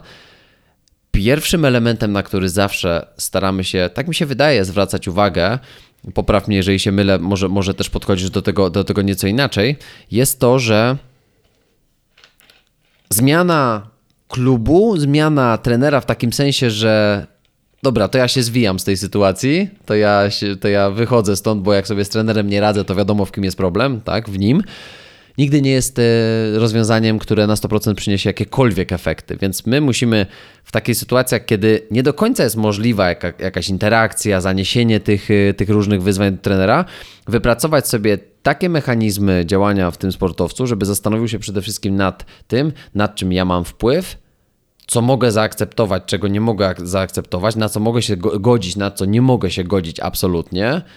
No też praca na takich fundamentalnych wartościach, no bo jeżeli trener na przykład narusza, pracowałem z taką zawodniczką kiedyś, który naruszał naprawdę fundamentalne wartości hmm. jej. I ona, to nie chodziło o aspekty sportowe. Ona ostatecznie przeniosła się z tego klubu ekstraligowego, ale nie ze względu na to, że trener był złym trenerem, tylko on tak bardzo wchodził na jej kodeks moralny w życiu. Hmm. Mówimy o zupełnie innym poziomie, ale hmm. tutaj chodzi o to, że na przykład trener, trener powoduje ogromny stres w zawodniku. No okej, okay, no ale ten stres sam się tam nie rodzi w tym zawodniku, prawda? To nie jest tak, że, że, że, że ten trener przekazuje ten stres, że on robi kamehameha jak Dragon Ballu i ten stres nagle ląduje na zawodniku, tak. prawda? Ale to jest znowu, to jest inaczej jest, jeżeli taki zawodnik przychodzi do twojego prywatnego gabinetu i ty wiesz, że z trenerem nie będziesz mieć prawdopodobnie żadnych interakcji. Choć I... często rozmawiamy. Okej, okay, no dobra, mhm. no ale jakby skup, wtedy w pełni tak, możesz skupić na się na, na, zawodniku y, albo zawodniczce mhm. i na tym, z czym oni przychodzą tak. i, i możesz się w tym przypadku skupić na sposobach radzenia sobie ze stresem, który mhm. y, jest prowokowany przez jakieś działania trenerskie. Ale jak jesteś w organizacji, jak jesteś na takim zgrupowaniu zamknięty w cosie, Ślisko. gdzie cały czas się przenikasz z ze sztabem szkoleniowym, mhm. medycznym, z zawodnikami, widzisz zdecydowanie więcej tak. niż czasami chciałbyś zobaczyć, tak? E, I, I czasami to kolegom, koleżankom, klinicystom próbuję wyjaśnić, jak to wygląda w sporcie, gdzie, gdzie tych takich szarych stref związanych z no, wieloma kwestiami etycznymi czasami y, się pojawia, w przeciwieństwie do takiej pracy powiedzmy w klinice, w szpitalu, y, czy w takim gabinecie, gdzie zamykają się drzwi i tego człowieka jakby już no, no nie ma w twoim, w twoim życiu. Tak. A tutaj w gabinecie, w spale na przykład, zamkną się drzwi i ja tego zawodnika widzę na treningu, na stołówce, e, na odnowie, mhm. E, jak sobie idzie gdzieś tam na spacer e, i cały czas jakby jest interakcja. Jest mhm. jakaś interakcja, obserwacja i dzieje się dużo więcej rzeczy. To oczywiście ma swoje korzyści też, tak, no nie? Tak. I uważam, że dlatego między innymi psycholog powinien być blisko mhm. i, i, i nie, nie, psycholog w sporcie, tak? Powinien być blisko. Nie? Widzę więcej korzyści w tym niż w zachowywaniu takiej chłodnej perspektywy patrzenia z góry, tak. bycia od czasu do czasu, nieangażowania się emocjonalnie i, I tak widywania dalej. się tylko w gabinecie, w zamkniętym. Dokładnie. Mhm. Więc jakbyśmy to zważyli, to i tak wolę, żeby ten psycholog był tak. w środku niż na zewnątrz, no ale też trzeba mieć na uwadze tutaj mhm Myślę, że taka luźna nasza rozmowa, ale jeżeli ktoś studiuje psychologię albo jest początkującym psychologiem działającym w sporcie albo chcącym działać w sporcie, no to to są na pewno takie kwestie, które trzeba rozważyć, poukładać sobie mhm. w swojej własnej głowie. Najlepiej w jakimś procesie właśnie superwizji, superwizji koleżeńskiej, mm-hmm. terapii własnej. Tak, tak. No bo no, te myśli układają się nam w głowie wtedy, kiedy są wypowiadane na głos i nie są wypowiadane do lustra, tylko do drugiego człowieka, który nas widzi, słyszy i tak dalej. I do czego właśnie dążyłem, bo, bo dotknąłeś tego i to, i to, jest, to jest super ważne, że mam wrażenie, że ta szara strefa zarówno u tego sportowca czy sportowczyni, którzy nie potrafią do końca zwalczyć jakichś swoich wyzwań, czy to związanych z emocjami, ze stresem, czy z osobą trenera, czy z czymkolwiek innym, tak samo i my, jako specjaliści, tą szarą strefę zawsze będziemy musieli w jakiś sposób zagospodarować, i wydaje mi się, że konfliktem nie zarządza się w taki sposób, że raz na zawsze rozprawiamy się z tym, tylko to jest ciągła praca. Jasne, jasne. I tak jak my zgoda. musimy, wydaje mi się, ja, ja tak pracuję, z tego co słyszę, ty też tak pracujesz. Po prostu pewne rzeczy muszą się dziać, bo wiemy, że świat jest niedoskonały. To wiesz, dwa i pół tysiąca lat temu e, filozofia i Arystoteles o tym mówili, że życie jest cierpienie. Marek Aureliusz potem dopowiadał, prawda, że, że, że po prostu trudy życia są czymś codziennym. Będziemy się z tym spotykać i to jest jedno z tych wyzwań. I wiesz, jakie pytanie mi się rodzi? Do, dopowiedz jeszcze do tego, co, o czym powiedziałem, ale czy to nie jest tak, że my trochę w dzisiejszym świecie przez ten kult ciągłego naprawiania się, zdrowie psychiczne, ja, ja, ja, ja, ja, ja muszę pracować nad sobą, ja muszę kontrolować swoje emocje, ja muszę oswajać swój stres, ja mam prawo do mojego zdania, a ty mi tu teraz nie wchodź na moje podwórko, ja mam prawo ci powiedzieć nie a propos asertywności, prawda? To mam wrażenie, że trochę jakby, jak coś jest nie tak, jak się czujemy źle, nie rozumiemy czegoś, nie radzimy sobie z jakąś sytuacją, no to właśnie uznajemy, że to takie o dupę potus, że skoro ja cierpię, to jest tak źle, to ja już, ja nie wiem co, to ja już zmienię klub, pójdę stąd, prawda? Mhm. Mam wrażenie, że tutaj jest przestrzeń do zagospodarowania też przez nas, żeby mówić o tych rzeczach, że nie ogarniesz tego wszystkiego, tak, że usiądziesz sobie i powiesz, dobra, mam to. Tak, poukładane, wszystkie boksy odhaczone. Tak. Teraz mogę żyć. Test białe rękawiczki, no, drrr, tak, białe. No, ale jakby no to się też w pełni zgadzam z tym, że układanie tego jest życiem, a nie zaczynamy żyć, jak to się poukłada, albo jak sobie Brawo. to poukładamy. No nie? Jakby to, Układanie to... tego jest życiem, tak. a nie. No. Do, no, jak więc... to jeszcze raz powiedziałeś, to może wytniemy na sam początek. nie wiem, czy jestem w stanie to jeszcze raz tak samo dobrze sformułować, ale ale rzeczywiście, no, to, to jest taka klasyka psychologii sportu, żeby się skupiać na procesie, żeby pokochać ten proces, żeby. Bądź drogą, nie celem. No, dokładnie, to są mhm. takie, takie frazesy, które psychologia, y, również psychologia sportu podłapała z tych y, źródeł antycznych, tak? Bo wspomniałeś o stoicyzmie, tutaj tak. też się jakiś konfucjonizm pojawia i przebija, tak? Więc to, to, to nie są nowe rzeczy, ale, ale my staramy się, takie mam wrażenie, my, Mateusz i ja, y, prze, przenieść to na taki współczesny język dla współczesnego człowieka, współczesnego sportowca, współczesnego celu. Mhm. No, ale wiedza jest y, no, antyczna. No. To, to, to, to nie jest wymyślanie koła na nowo. Tak, plus no, filozofia była przed psychologią, prawda? To najpierw, najpierw była filozofia i to z, z niej w jakiś sposób wydaje mi się, że, że też być może zrodziła się psychologia w formie pytań, które, na które nigdy nie byliśmy w stanie udzielić odpowiedzi, bo filozofia nie badała. A miałeś, a miałeś Mateusz w podcaście kiedyś stoika albo jakiegoś innego filozofa? Jeszcze nie. Weź zaproś Piotra Stankiewicza. Był u ciebie. Był u mnie, tak. no fenomenalny gość i świetny filozof. Bardzo fajnie opowiada o stoicyzmie, też e, właśnie ten stoicyzm reformowany e, mocno promuje, czyli tak. taki stoicyzm dostosowany do tego współczesnego świata i współczesnego umysłu. Bardzo mocno Piotra polecam i pozdrawiam, jeżeli tego e, będzie słuchać. No i też jeżeli posłuchasz tego, jak wypowiadają się sportowcy, nie tylko polscy, ale też e, przede wszystkim zagraniczni, no to ten stoicyzm jest taką filozofią, którą można e, wdrażać e, w trening mentalny, w pracowanie nad swoim nastawieniem mhm.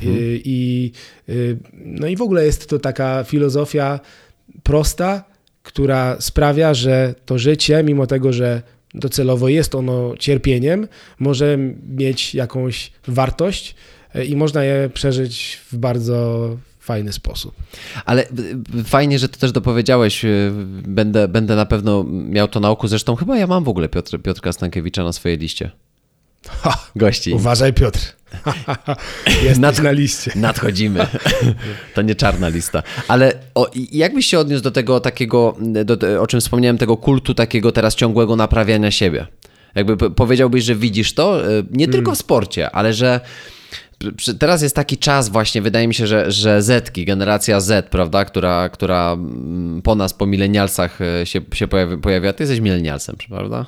Czyli tak po, urodzeni po 80, 84, niektórzy mhm. mówią mniej więcej tak do 95-6 roku życia. Więc no. my jesteśmy milenialsi. Myślę, że tak można powiedzieć. Nigdy tak o sobie nie myślałem, ale teraz jak o tym mówisz, to pewnie to jest prawda. Jesteś milenialsem. to, teraz, okay. to teraz my, my wnieśliśmy mały taki background do tego, przepraszam, e, szturchnąłem. My wnieśliśmy jako milenialsi takie mocno kapitalistyczne zachodnie podejście, czyli już nie 8 godzin pracy i wiesz, odbijasz się o 15 wychodzisz, tylko jednak więcej. Ten kult zachodniej korporacji, no to nadgodziny robią ci później awanse 12-14 godzin, to, to, to trzeba tyrać, prawda? I jesteś w sumie, gloryfikowało się to, że tyrałeś. Tak. Teraz to jest trochę takim, no, powiedziałbym, nawet obciachem. Ja nawet nagrałem taki odcinek podcastu solo, który zatytułowałem Pracoholizm to dzisiaj obciach. I mówiłem o tym, jak zderzyły się te, te nasze generacje milenialsów i generacja Zetek, czyli ci, którzy teraz tak prężnie zaczynają pe- pewnie albo już działają na, na rynku pracy, zarabiają pewnie, pewnie nawet e, w niektórych miejscach, o których my nie marzyliśmy, miliony e, dzisiaj. Mówię o platformach społecznościowych, YouTubie, prawda, TikToku, Instagramie, bo da się zarobić naprawdę grube dolary na, na tych platformach. Ale wiesz, oni wnieśli coś, coś fajnego, bo oni powiedzieli, ale po co ja mam pracować 8, jak ja mogę 3 pracować, zarobić 17 razy więcej niż moi rodzice? Tak. I to całkiem nie głupie. Tak. Oni też weszli bardziej w taki kult, hej, jakby ja mam granicę. Nie będę siedział 8-20 w pracy, tylko 8, jak mam 8 wpisane i tyle. Kropka, nie? No i tak milenialsi, czy wiesz, czy Xy, czy boomerzy trochę, wiesz, co, o co tu wam chodzi w ogóle, prawda? Stanęli pod ścianą. Kto, kto nas będzie leczyć? co teraz, nie? Co, ci ludzie to przyszłość? Cholerka, prawda? E, I, I na szczęście, według mnie... A pojaw- odnieś jeszcze ten e, kult e, pracy i pracoholizmu do, do sportu. No bo przecież w sporcie ciężka praca no jest fundamentalna, tak? I bez pracy włożonej, ton przerzuconych na siłowni, no nie będzie tego wyniku. Chciałeś powiedzieć bez katorżniczego zapierdolu po prostu, no, tak? dokładnie tak. Tylko, że ja u siebie w podcaście nie przyklinam. Zdarza się. Nie, no dobra. Ale, to, ale ty nie przeklnąłeś przecież. prawda. To tylko ja. No to e, przeklnąłeś w swoim podcaście. w Tak. nie. Ja u, sie, u siebie mogę. Tak, ale no jednak kurczę, no ten, ten reżim treningowy i, em, i ciężka praca, e, która e, no, często jest na granicy urazu Tak. i jest e, też wpisana w taki model dobrego, skutecznego treningu sportowego Mhm. mm, w głowie też wielu trenerów. tak. Jaka regeneracja? Jakie przetrenowanie? Tak.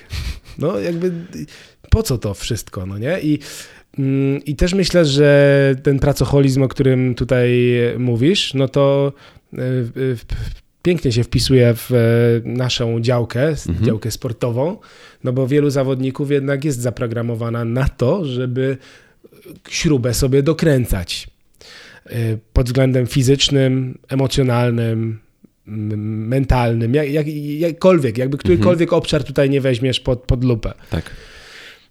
I teraz nie wiem do końca, w którą stronę chcę iść z tym dalej, ale y, chciałem, żebyś y, pociągnął ten temat pracoholizmu, zetek, milenialsów e, właśnie w stronę Bardziej tego pracoholizmu e, w kontekście nie korporacyjnym, ale sportowym, no bo jednak to jest nasza branża. Tak, tak, tak. Tylko to, to zauważ właśnie, że, że ja zobaczyłem, zobaczyłem taki kult codzienny, prawda? Bo chciałem, bo chciałem to pokazać w takim obrazie codzienności, że, że żyjemy mimo wszystko nie w korporacji, nie w sporcie, tylko w ogóle w świecie. W takim czasie, kiedy to zdrowie psychiczne przeżywa jakieś odrodzenie, prawda? Odrodzenie, dlatego że jeszcze raz wracamy filozofia tam ponad 2000 lat temu, no wtedy już ludzie to rozkminiali, już się zastanawiali, już zastanawiali się nad tym i myśleli jak lepiej żyć, jak mniej cierpieć albo jak bardziej zaakceptować to, to cierpienie.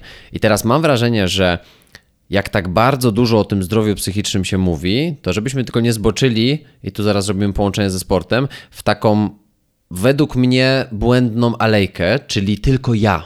Hmm, Okej, to już wiem, w którą stronę idziesz. Okej, no, ciągnij dalej. Tak. Sznurek. Bo w momencie, kiedy ja, z, powiedzmy sobie tak górnolotnie, bo to nigdy nie jest proces dokonany, zdobędę to zdrowie psychiczne, nie wiem, znajdę to zdrowie psychiczne, odzyskam to zdrowie psychiczne, chociaż to insynuuje, że je straciłem w pewnym momencie, prawda? Niech będzie, że wzmocnię. To takie, takie bardzo proste porównanie. Które, które też zaczerpnąłem od Andrzeja Tucholskiego, psychologa, on pracuje w biznesie, ale w też takim po prostu codziennym rozkminianiu. Też zrobiliśmy taki, taki, taki kolab właśnie podcastowy, taki maraton trzygodzinny. Nagraliśmy odcinek, odcinek u mnie, a potem odcinek u niego i to w sumie była jedna taka ciągła rozmowa, to trzeba było w taki sposób przesłuchać. I on, on mówi o takiej bardzo fajnej filozofii półtora człowieka. Teraz to polega na tym, Grzesiek, że jeżeli ty chciałbyś ode mnie dychę, no to fajnie, żebym ja w portfelu miał przynajmniej stówkę. No bo, no bo jak, ja, jak ja bym miał w portfelu 15, ja ci dam 10, no to trochę słabo, nie? Bo zostawiam je to tylko z piątką. Ty jesteś w sumie... Dla ciebie słabo, dla, Dla mnie fajnie. Tak, tak, tak. Ty dostajesz to, co chciałeś. Ale załóżmy, że ja nie mam nic Okej. i ty chcesz dychę. No nie jestem w stanie ci nic dać, ale jak ja będę miał tą stówkę, to jest to, to, to, ta przenośnia tego zdrowia psychicznego, to mogę ci dać. Aha. Mogę jeszcze jedną dy- dychę nawet komuś rozdać i prawdopodobnie jeszcze ze dwie bym mógł porozdawać. I o to w tym wszystkim chodzi. Żebyśmy my, my, w mojej ocenie, znajdowali przestrzeń nie tylko w pracy ja, ja, ja, ja, ja i moje zdrowie psychiczne, ale na takim poziomie, żeby dawać, żeby w e, si- siedmiu nawykach skutecznego działania Coveya, znana książka taka kultowa o, o nawykach, ja mam wrażenie, że ludzie się zatrzymali na niezależność, zamykam książkę i idę dalej. Ale tam dalej kilka rozdziałów pod koniec książki jest coś takiego jak współzależność. To nie jest tylko tak, że ty zyskujesz nie wiadomo co dla siebie, tylko masz paliwo, żeby dzielić się z innymi. I teraz wyobraź sobie, że jak stworzymy taką generację, a propos tej przyszłości, nie, że to ci ludzie, którzy będą nas leczyli, którzy będą w stanie wyważyć zdrowie psychiczne na poziomie ja i zdrowie psychiczne na poziomie my, to to będą przyszli, tre, przyszli, przyś, przyszli, przyszli, Przyszli. przyszli, okej, Przyszli i poszli. przyszli i poszli. Trenerzy, Aha. psychologowie, fizjoterapeuci, Jasne. dietetyczki, rodzice, Jasne. którzy będą wychow- wychowywali kolejne generacje sportowców. Tak. No tak, no ale to ta y, tendencja do tego, że jesteśmy tak mocno skupieni na sobie, Tak. myślę, że w dużej mierze też wynika z tego, w jaką stronę y, poszły media społecznościowe Mhm. i jak to mocno rozwinęło się w takim kulcie samego siebie, tak na dobrą sprawę. I to trochę puszka Pandory, nie wiem, czy to y, należy od, y, otwierać. Ja też mam w, na swojej czarnej liście e, dwóch gości, których e, chciałbym przemaglować na temat e, higieny cyfrowej. To jest też temat, który znowu jest niczyi Mhm. w kontekście pracy medycznej w sporcie i ja też jako psycholog e, pracujący w sztabach medycznych czy opiekujący się zawodnikami indywidualnie staram się ten temat zgłębiać, poruszać, uświadamiać. Mhm. Y, No, ale mm, myślę, że te media społecznościowe w bardzo dużej mierze są odpowiedzialne za to, jakie te zetki są. Mhm. Bo to są, to, jest, to są pierwsze pokolenia tak naprawdę, które y, no, nie znają świata bez internetu w kieszeni Dokładnie. bo no, my jeszcze pamiętamy takie y, czasy, a, a z drugiej strony ja też jestem y, ojcem i często obracam się w, na dzielni w, po placach zabaw, krążę na, na różnych huśtawkach i tyrolkach i powiem szczerze, że obserwuję w, w szczególności przez ten ostatni e, rok, że nie ma dzieci na placach zabaw, które są w wieku szkolnym. Te dzieci, które są, najczęściej mówią po ukraińsku. Mm. Te dzieci, które są na placach zabaw i gadają po polsku, są jeszcze pod opieką rodziców. No nie? I gdzie są te dzieci? No właśnie. No najczęściej taka moja hipoteza, że jednak one są przed ekranem. Mhm. Może nawet na zewnątrz, tylko siedzą gdzieś na ławce z głowami w telefonach, prawda?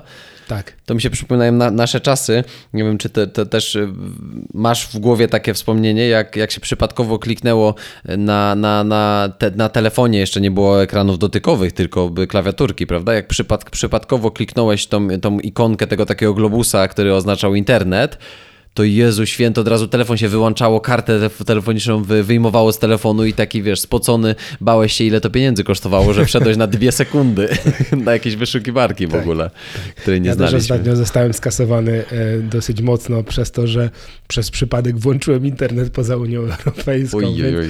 To, to cały czas współczesny problem też jest. Tak, tak, Chociaż tak. wiadomo, że Unia Europejska tutaj daje duży komfort korzystania z e, telefonu. No i oczywiście wiesz, no nie zawrócimy kijem Wisły i Mhm. e, nie cofniemy teraz tych nowych technologii i, i pewnie jakieś korzyści z korzystania z tego są. Pewnie gdyby nie e, media społecznościowe, podcastosfera, to pewnie byśmy się dzisiaj nie spotkali, e, więc są też jakby no, no plusy, Tak. ale generalnie ludzie, którzy stoją za tym, mają inne cele niż łączenie ludzi w ten sposób, jak my się dzisiaj połączyliśmy. No? Albo zdrowa psychoedukacja no. tym wszystkim. Ale to wiesz, do sportu, pracoholizm w sporcie, czy taka obsesja, obsesja jakiejś nadambicji, pe perfekcjonizmu, destruktywnego, czy pasji destruktywnej, to możemy sobie nazywać to różnymi tam e, trudniejszymi, łatwiejszymi słowami, ale chodzi po prostu o o robienie pewnie za dużo w nieodpowiednich momentach. Hmm. I teraz sportowiec co do zasady zawsze będzie miał takie podejście, że chce zrobić więcej.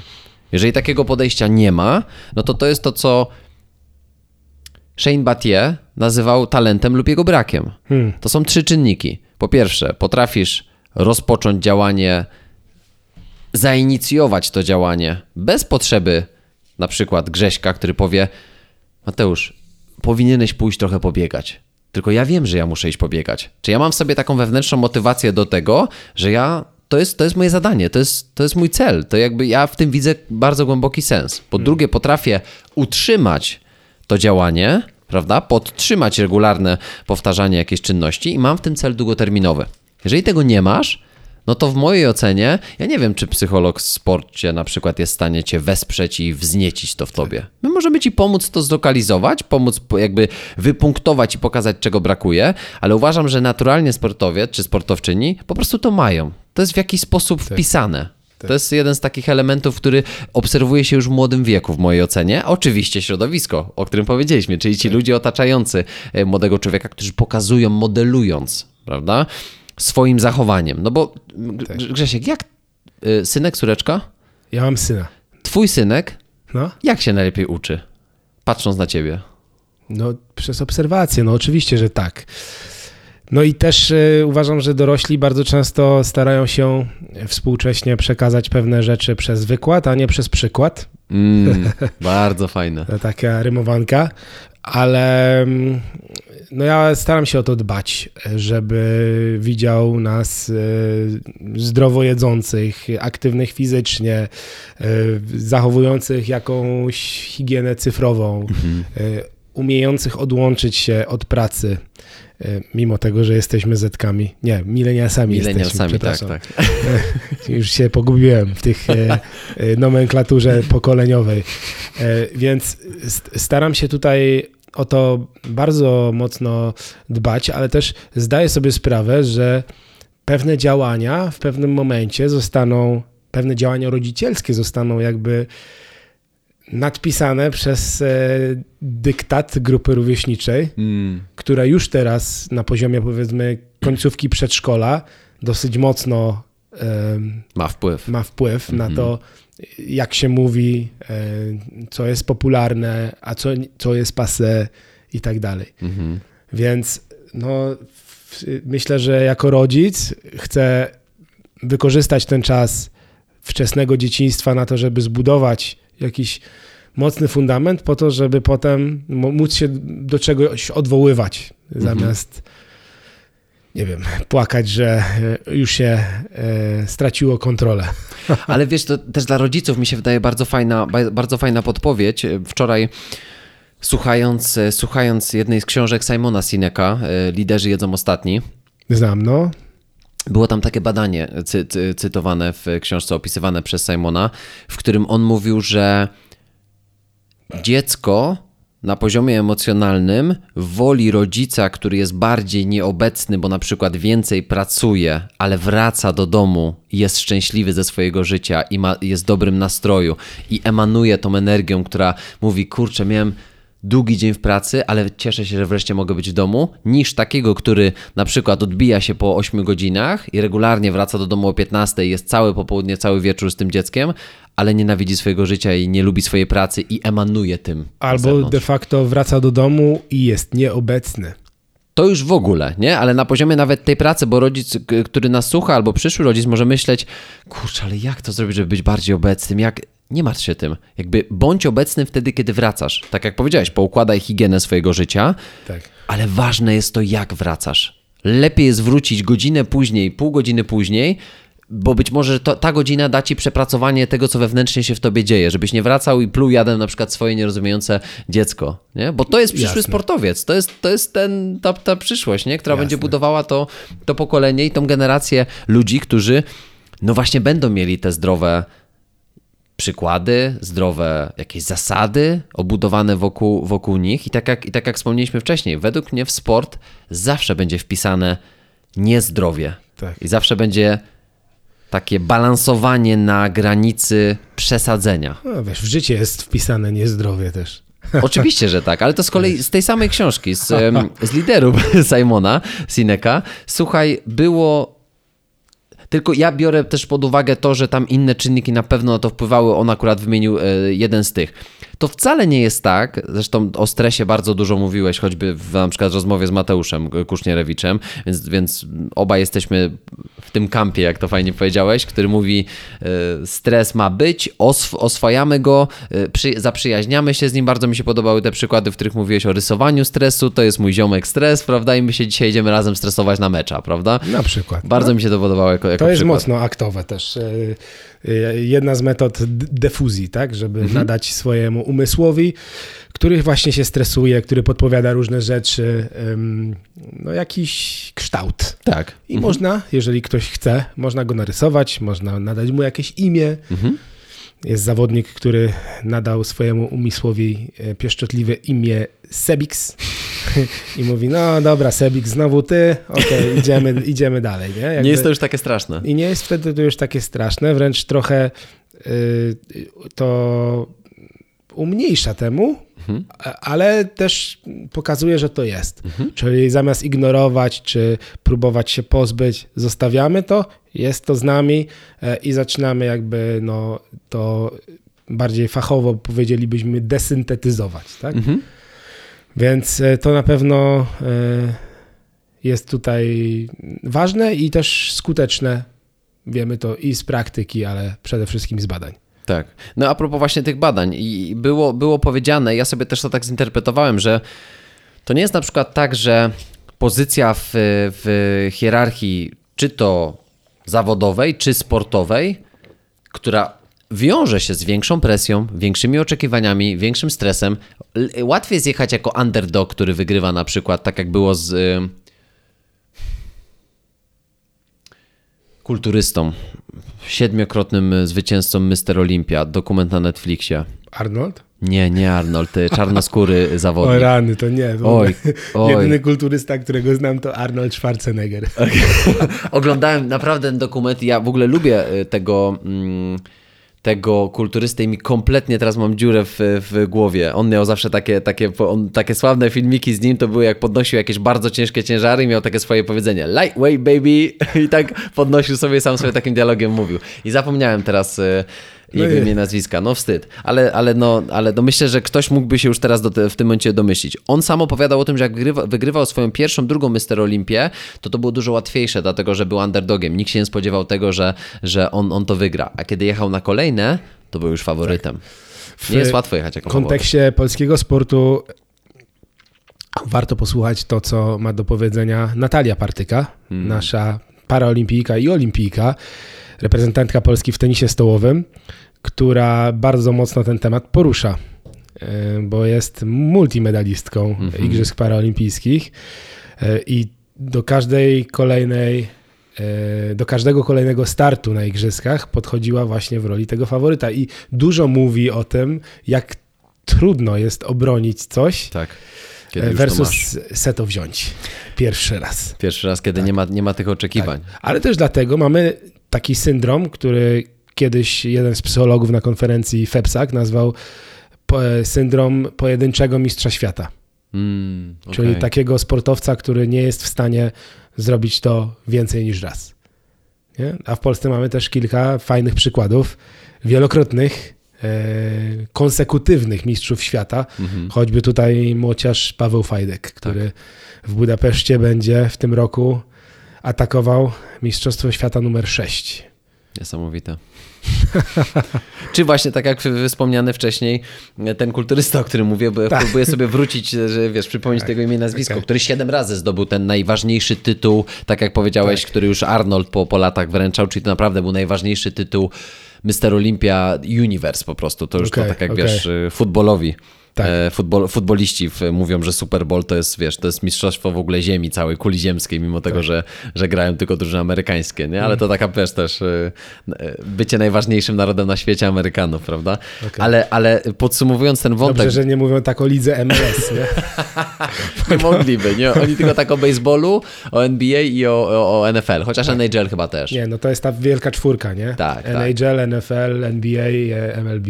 Tak, tak, dokładnie tak. Potem jeszcze MLS tam nie ma. Nie, nie, nie. Potem prawdopodobnie jeszcze mógłby być golf, e, a dopiero potem e, piłka nożna. Chociaż MLS naprawdę urósł w ostatnich latach. Od kiedy też ja wyjechałem ze Stanów, to MLS naprawdę jest. e, Coś niesamowitego się wydarzyło, jeśli chodzi o popularność też. To, to jest oczywiście dobre przed Tak. mistrzostwami kolejnymi świata, które się odbędą właśnie między innymi w Stanach Zjednoczonych. Tak. A, a kiedyś tak mi się przypomniała taka anegdota a propos ligi e, piłki nożnej w Stanach. E, wi, widziałeś, jak e, na początku istnienia tej ligi były ro, rozgrywane konkursy rzutów karnych? Taka ciekawostka. E, Ty, to, to chyba było bieg z połowy taki sam na sam, z bramkarzem. Jak, tak, to był taki sam na sam z bramkarzem, jak w hokeju na lodzie. tak. No kosmos. I to były chyba, kurczę, lata jakieś 80., 90., to nie było tak dawno, no nie? Tak, dlatego Ale- Brytyjczycy zawsze taką bekę kręcili. Chcieli mieć z tego jakby y, no, coś swojego, tak. Ale masz rację, że Liga MLS y, się bardzo mocno rozwinęła. Też mamy y, co najmniej kilku dobrych polskich zawodników, Mhm. którzy grają y, albo grali niedawno w y, amerykańskiej lidze i to już nie jest tylko i wyłącznie miejsce na y, spokojną, dobrze płatną emeryturę dla topowych zawodników, ale tam naprawdę coraz lepiej grają w piłkę. No wręcz zobacz, że na przykład Adaś Buksa z MLS-u poszedł do Ligi Francuskiej, prawda? Karol Tak. Świderski regularnie, który, e, który, który gra w Charlotte, występuje w reprezentacji polskiej, więc to już nie jest tak, że tak jak powiedziałeś, piłkarska emerytura kojarzy się z tym, że, że zawodnik MLS-u tam jedzie po to, żeby kończyć karierę, czy to Tak. bramkarz ten utalentowany Słonina, który chyba na ten moment wybrał reprezentację Stanów Zjednoczonych, a biły się o niego chyba trzy nacje w tym No, momencie, no, a, grający jako pierwszy bramkarz w Chicago Fire. E, Więc, y, więc to też jest ważne, ale bo żeby mi to nie umknęło o tym stresie, bo to było ważne, bo tak y, Miało czas... być, miało być luźne i jest luźno. No jakby Dokładnie. wielowątkowo, dużo bocznych uliczek, no ale tak się umówiliśmy. Dokładnie, tak miało być. Jeżeli, jeżeli y, pojawi się jakiś konkretny temat, na przykład, który dotknęliśmy, a byłaby potrzeba, żeby, potrzeba, żebyśmy go bardziej omówili, no to nie ma problemu, spotkamy się raz jeszcze. Albo kilka razy jeszcze. Świetnie. mnie, mnie się to podoba. I z tym stresem, bo powiedzieliśmy o tych oczekiwaniach, prawda? Większa presja, kiedy jedziesz jak bronisz, jako, jak bronisz, kiedy jesteś wyżej przede wszystkim. Teraz okazuje się, że co do zasady, każdy tą baterię i ten zbiornik pojemności tego stresu ma bardzo podobny. To nie jest tak, że my się różnimy pod kątem pojemności takiego, jakbyś, jakbyśmy powiedzieli, takiego bidonu, słoika stresu. Tylko wszystko zależy od tego, w jaki sposób i z jaką częstotliwością i jak skute- skutecznie jesteśmy w stanie opróżniać ten słoik. Czyli tak dobrze zarządzać, regulować, zarządzać to jest dobre słowo, regulować emocjami, żeby, żeby tworzyć miejsce, prawda, w tym naszym słoiku, dbać o siebie, żeby potem znowu trochę przyjąć. Dbać o siebie, żeby trochę przyjąć. Tak. I mam wrażenie, że ci, którzy są na tych najwyższych szczeblach i potrafią dobrze tym zarządzać, dobrze regulować pojemność tego słoiczka, są w stanie przez długi czas osiągać sukcesy na najwyższym poziomie i nie oznacza to, że im więcej stresu w życiu, tym niższe wyniki. Bo te badania też pokazały, że, że ci ludzie na najwyższych szczeblach, którzy dobrze potrafili zarządzać y, własnym stresem, czy oswajać własny stres, to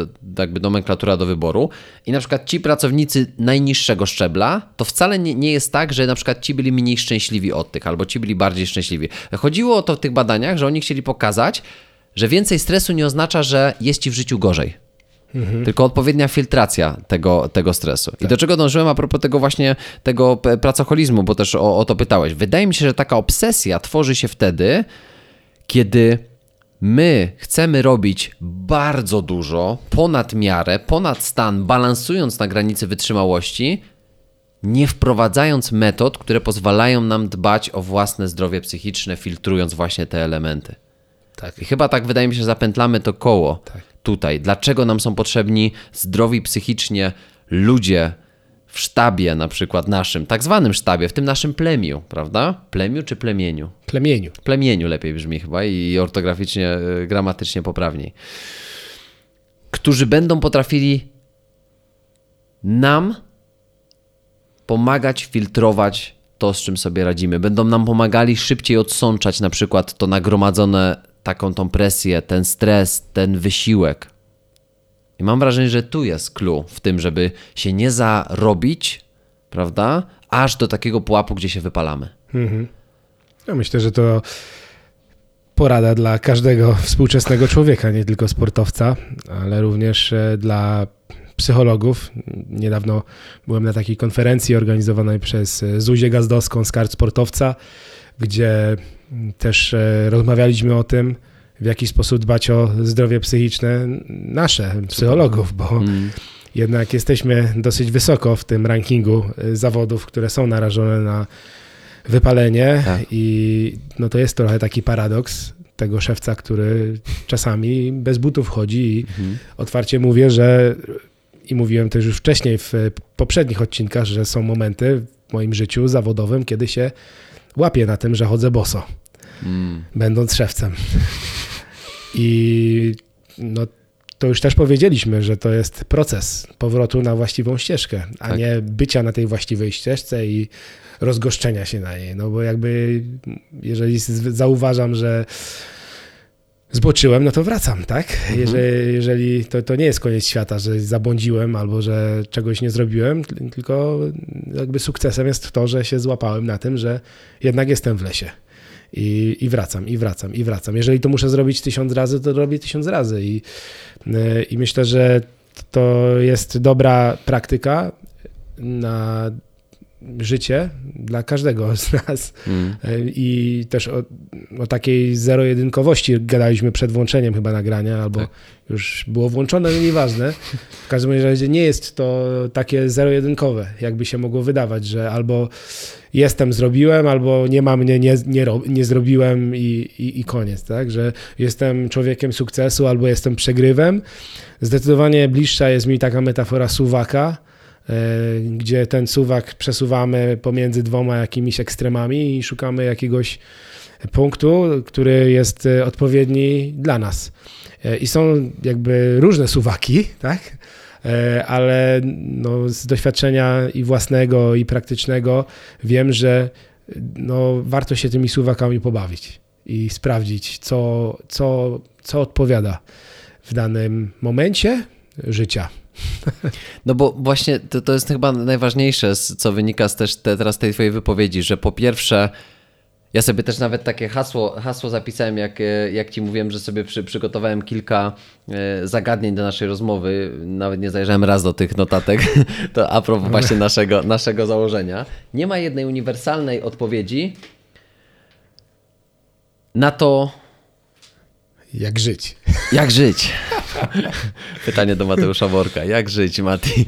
Ale, ale tak, ale nie ma, nie ma jednej uniwersalnej odpowiedzi, jak sobie to poukładać, jak uniknąć wypalenia zawodowego, jak być zdrowym psychicznie, jak stawać się zdrowym psychicznie. Nie ma jednej uniwersalnej odpo- odpowiedzi. Oczywiście, to nie będzie nigdy to zależy i Nie, kropka. no jest wiele dróg, tak? Tak. Na pewno jest wiele dróg, które są y, powiedzmy właściwymi drogami. Można do tego celu zmierzać właśnie wybierając różne ścieżki.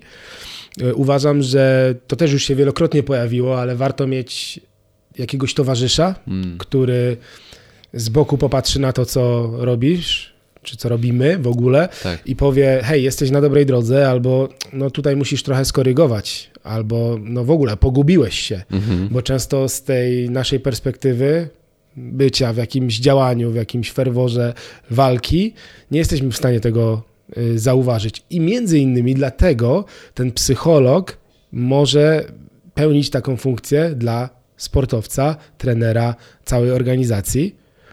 A w kontekście naszej pracy i naszego życia dobrze właśnie mieć takiego kolegę po fachu, koleżankę, superwizora, e, e, superwizorkę, tak, jeżeli w te feminatywy idziemy, y, czy w ogóle jakąś taką grupę, y, z którą można się otwarcie dzielić y, swoimi przemyśleniami i mówić o rzeczywistości, jaka jest, a nie w taki sposób, jakbyśmy chcieli skomponować Reelsa na Instagrama albo posta, gdzie no siłą rzeczy przekłamujemy to. Nawet jeżeli piszemy o porażce, Mm. nawet jeżeli piszemy o trudności w mediach społecznościowych, to i tak przepuszczamy to przez tyle filtrów, no że, no, że to, to, to, to nie jest w pełni autentyczne.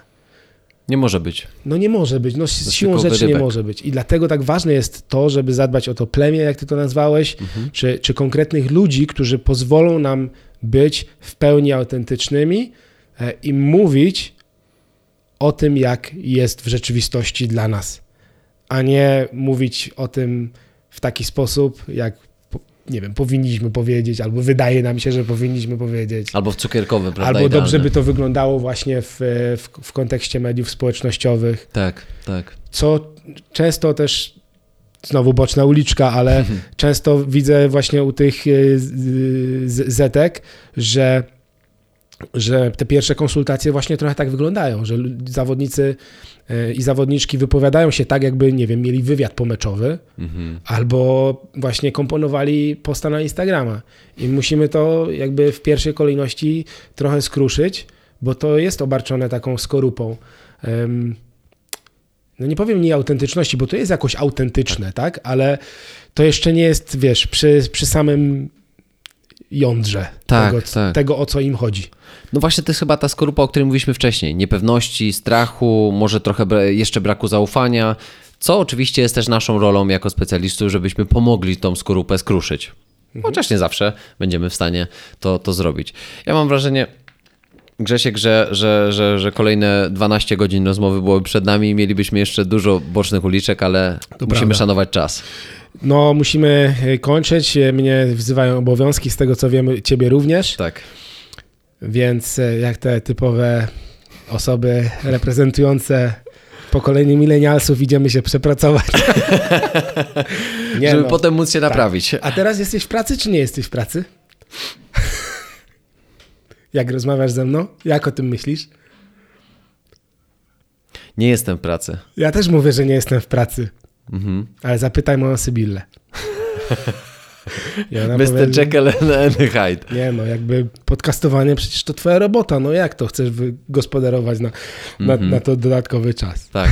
Wiesz, robota się, wiesz, wiesz, robota się zaczyna jak. e, Robota jest wtedy, jak, jak dzisiaj trzeba było wstać tam o, o 5.15, e, opuścić jakieś tam swoje poranne rytuały, wyjść ze swojej takiej strefy codziennej, e, przy, przyjechać 100 kilometrów. Ja myślę, że to jest, to jest ta robota, Okej. której, której ktoś nie widzi po prostu. A to, co my tutaj robimy, to jest e, odpowiedzialność.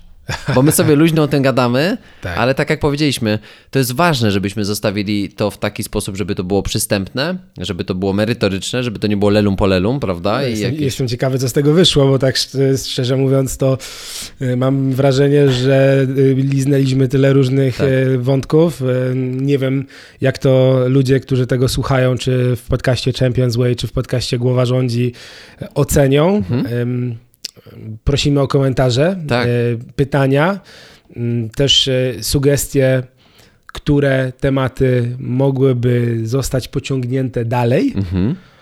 Bo możemy to dla Was zrobić. Myślę, że zarówno y, we dwójkę, jak i osobno Oczywiście. w naszych kanałach. Oczywiście. Wiadomości do Grześka na kanale Głowa Rządzi, wiadomości do mnie e, na, na moich e, kanałach społecznościowych, bądź tutaj właśnie też na, na YouTubie. Można zostawić swój komentarz, e, można e, zostawić jakąś informację, która byłaby dla nas podpowiedzią, a może paliwem do tego, żebyśmy nagrali coś jeszcze raz, w, może nie jeszcze raz, ale kontynuację tego rozmowy, bo to już zost- zostanie nagrane i nie, będzie, nie będziemy nic tutaj zmieniać, edytować i, i, się dostosowywać do, do, tak jak powiedzieliśmy, o tych wy- wymaganiach społecznych, prawda? Bo mam wrażenie, że dotknęliśmy czegoś dla każdego, ale warto jednak pewnie zastanowić się, co tutaj ci zagrało i co można byłoby jeszcze, jeszcze więcej. No, ja zawsze myślę o rozmowie w podcastach jako o pociąganiu za sznurki. I tych sznurków zawsze przede mną jest dużo. Tak.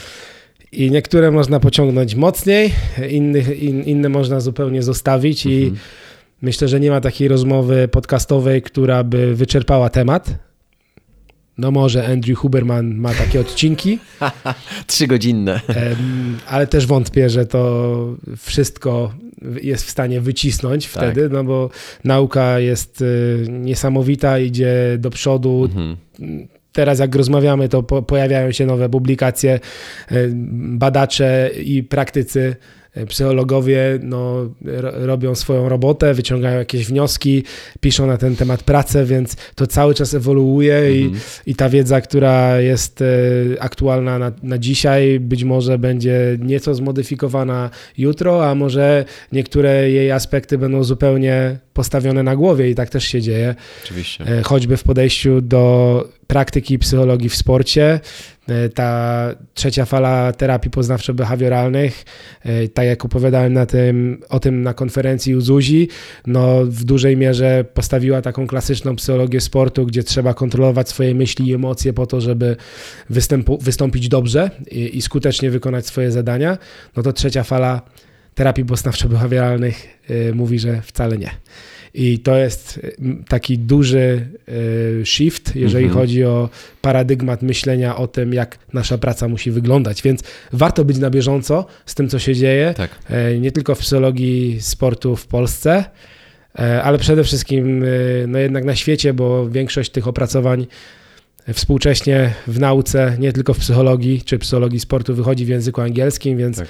nawet jeżeli coś jest tłumaczone, to zwykle z delikatnym, a może znacznym nawet poślizgiem, więc e, to taka rekomendacja na koniec, żeby być e, na bieżąco z tym, co się dzieje na świecie i no i co, być z nami w kontakcie. Dokładnie. Kwestionować dużo, na pewno nie, nie godzić się na wszystko, co się usłyszy, bo to, bo to nie musi być prawda uniwersalna, tak jak wspomniałeś, prawda? Coś, co dzisiaj jest aktualne, nie musi być aktualne jutro. Tak. No i co, z tego miejsca dziękujemy zarówno, zarówno słuchaczom i słuchaczkom podcastu Głowa Rządzi, jak i Champions Way. No i do usłyszenia, zobaczenia wkrótce. Do usłyszenia i do zobaczenia. Hej. Mamy nadzieję, że ten odcinek podobał Ci się.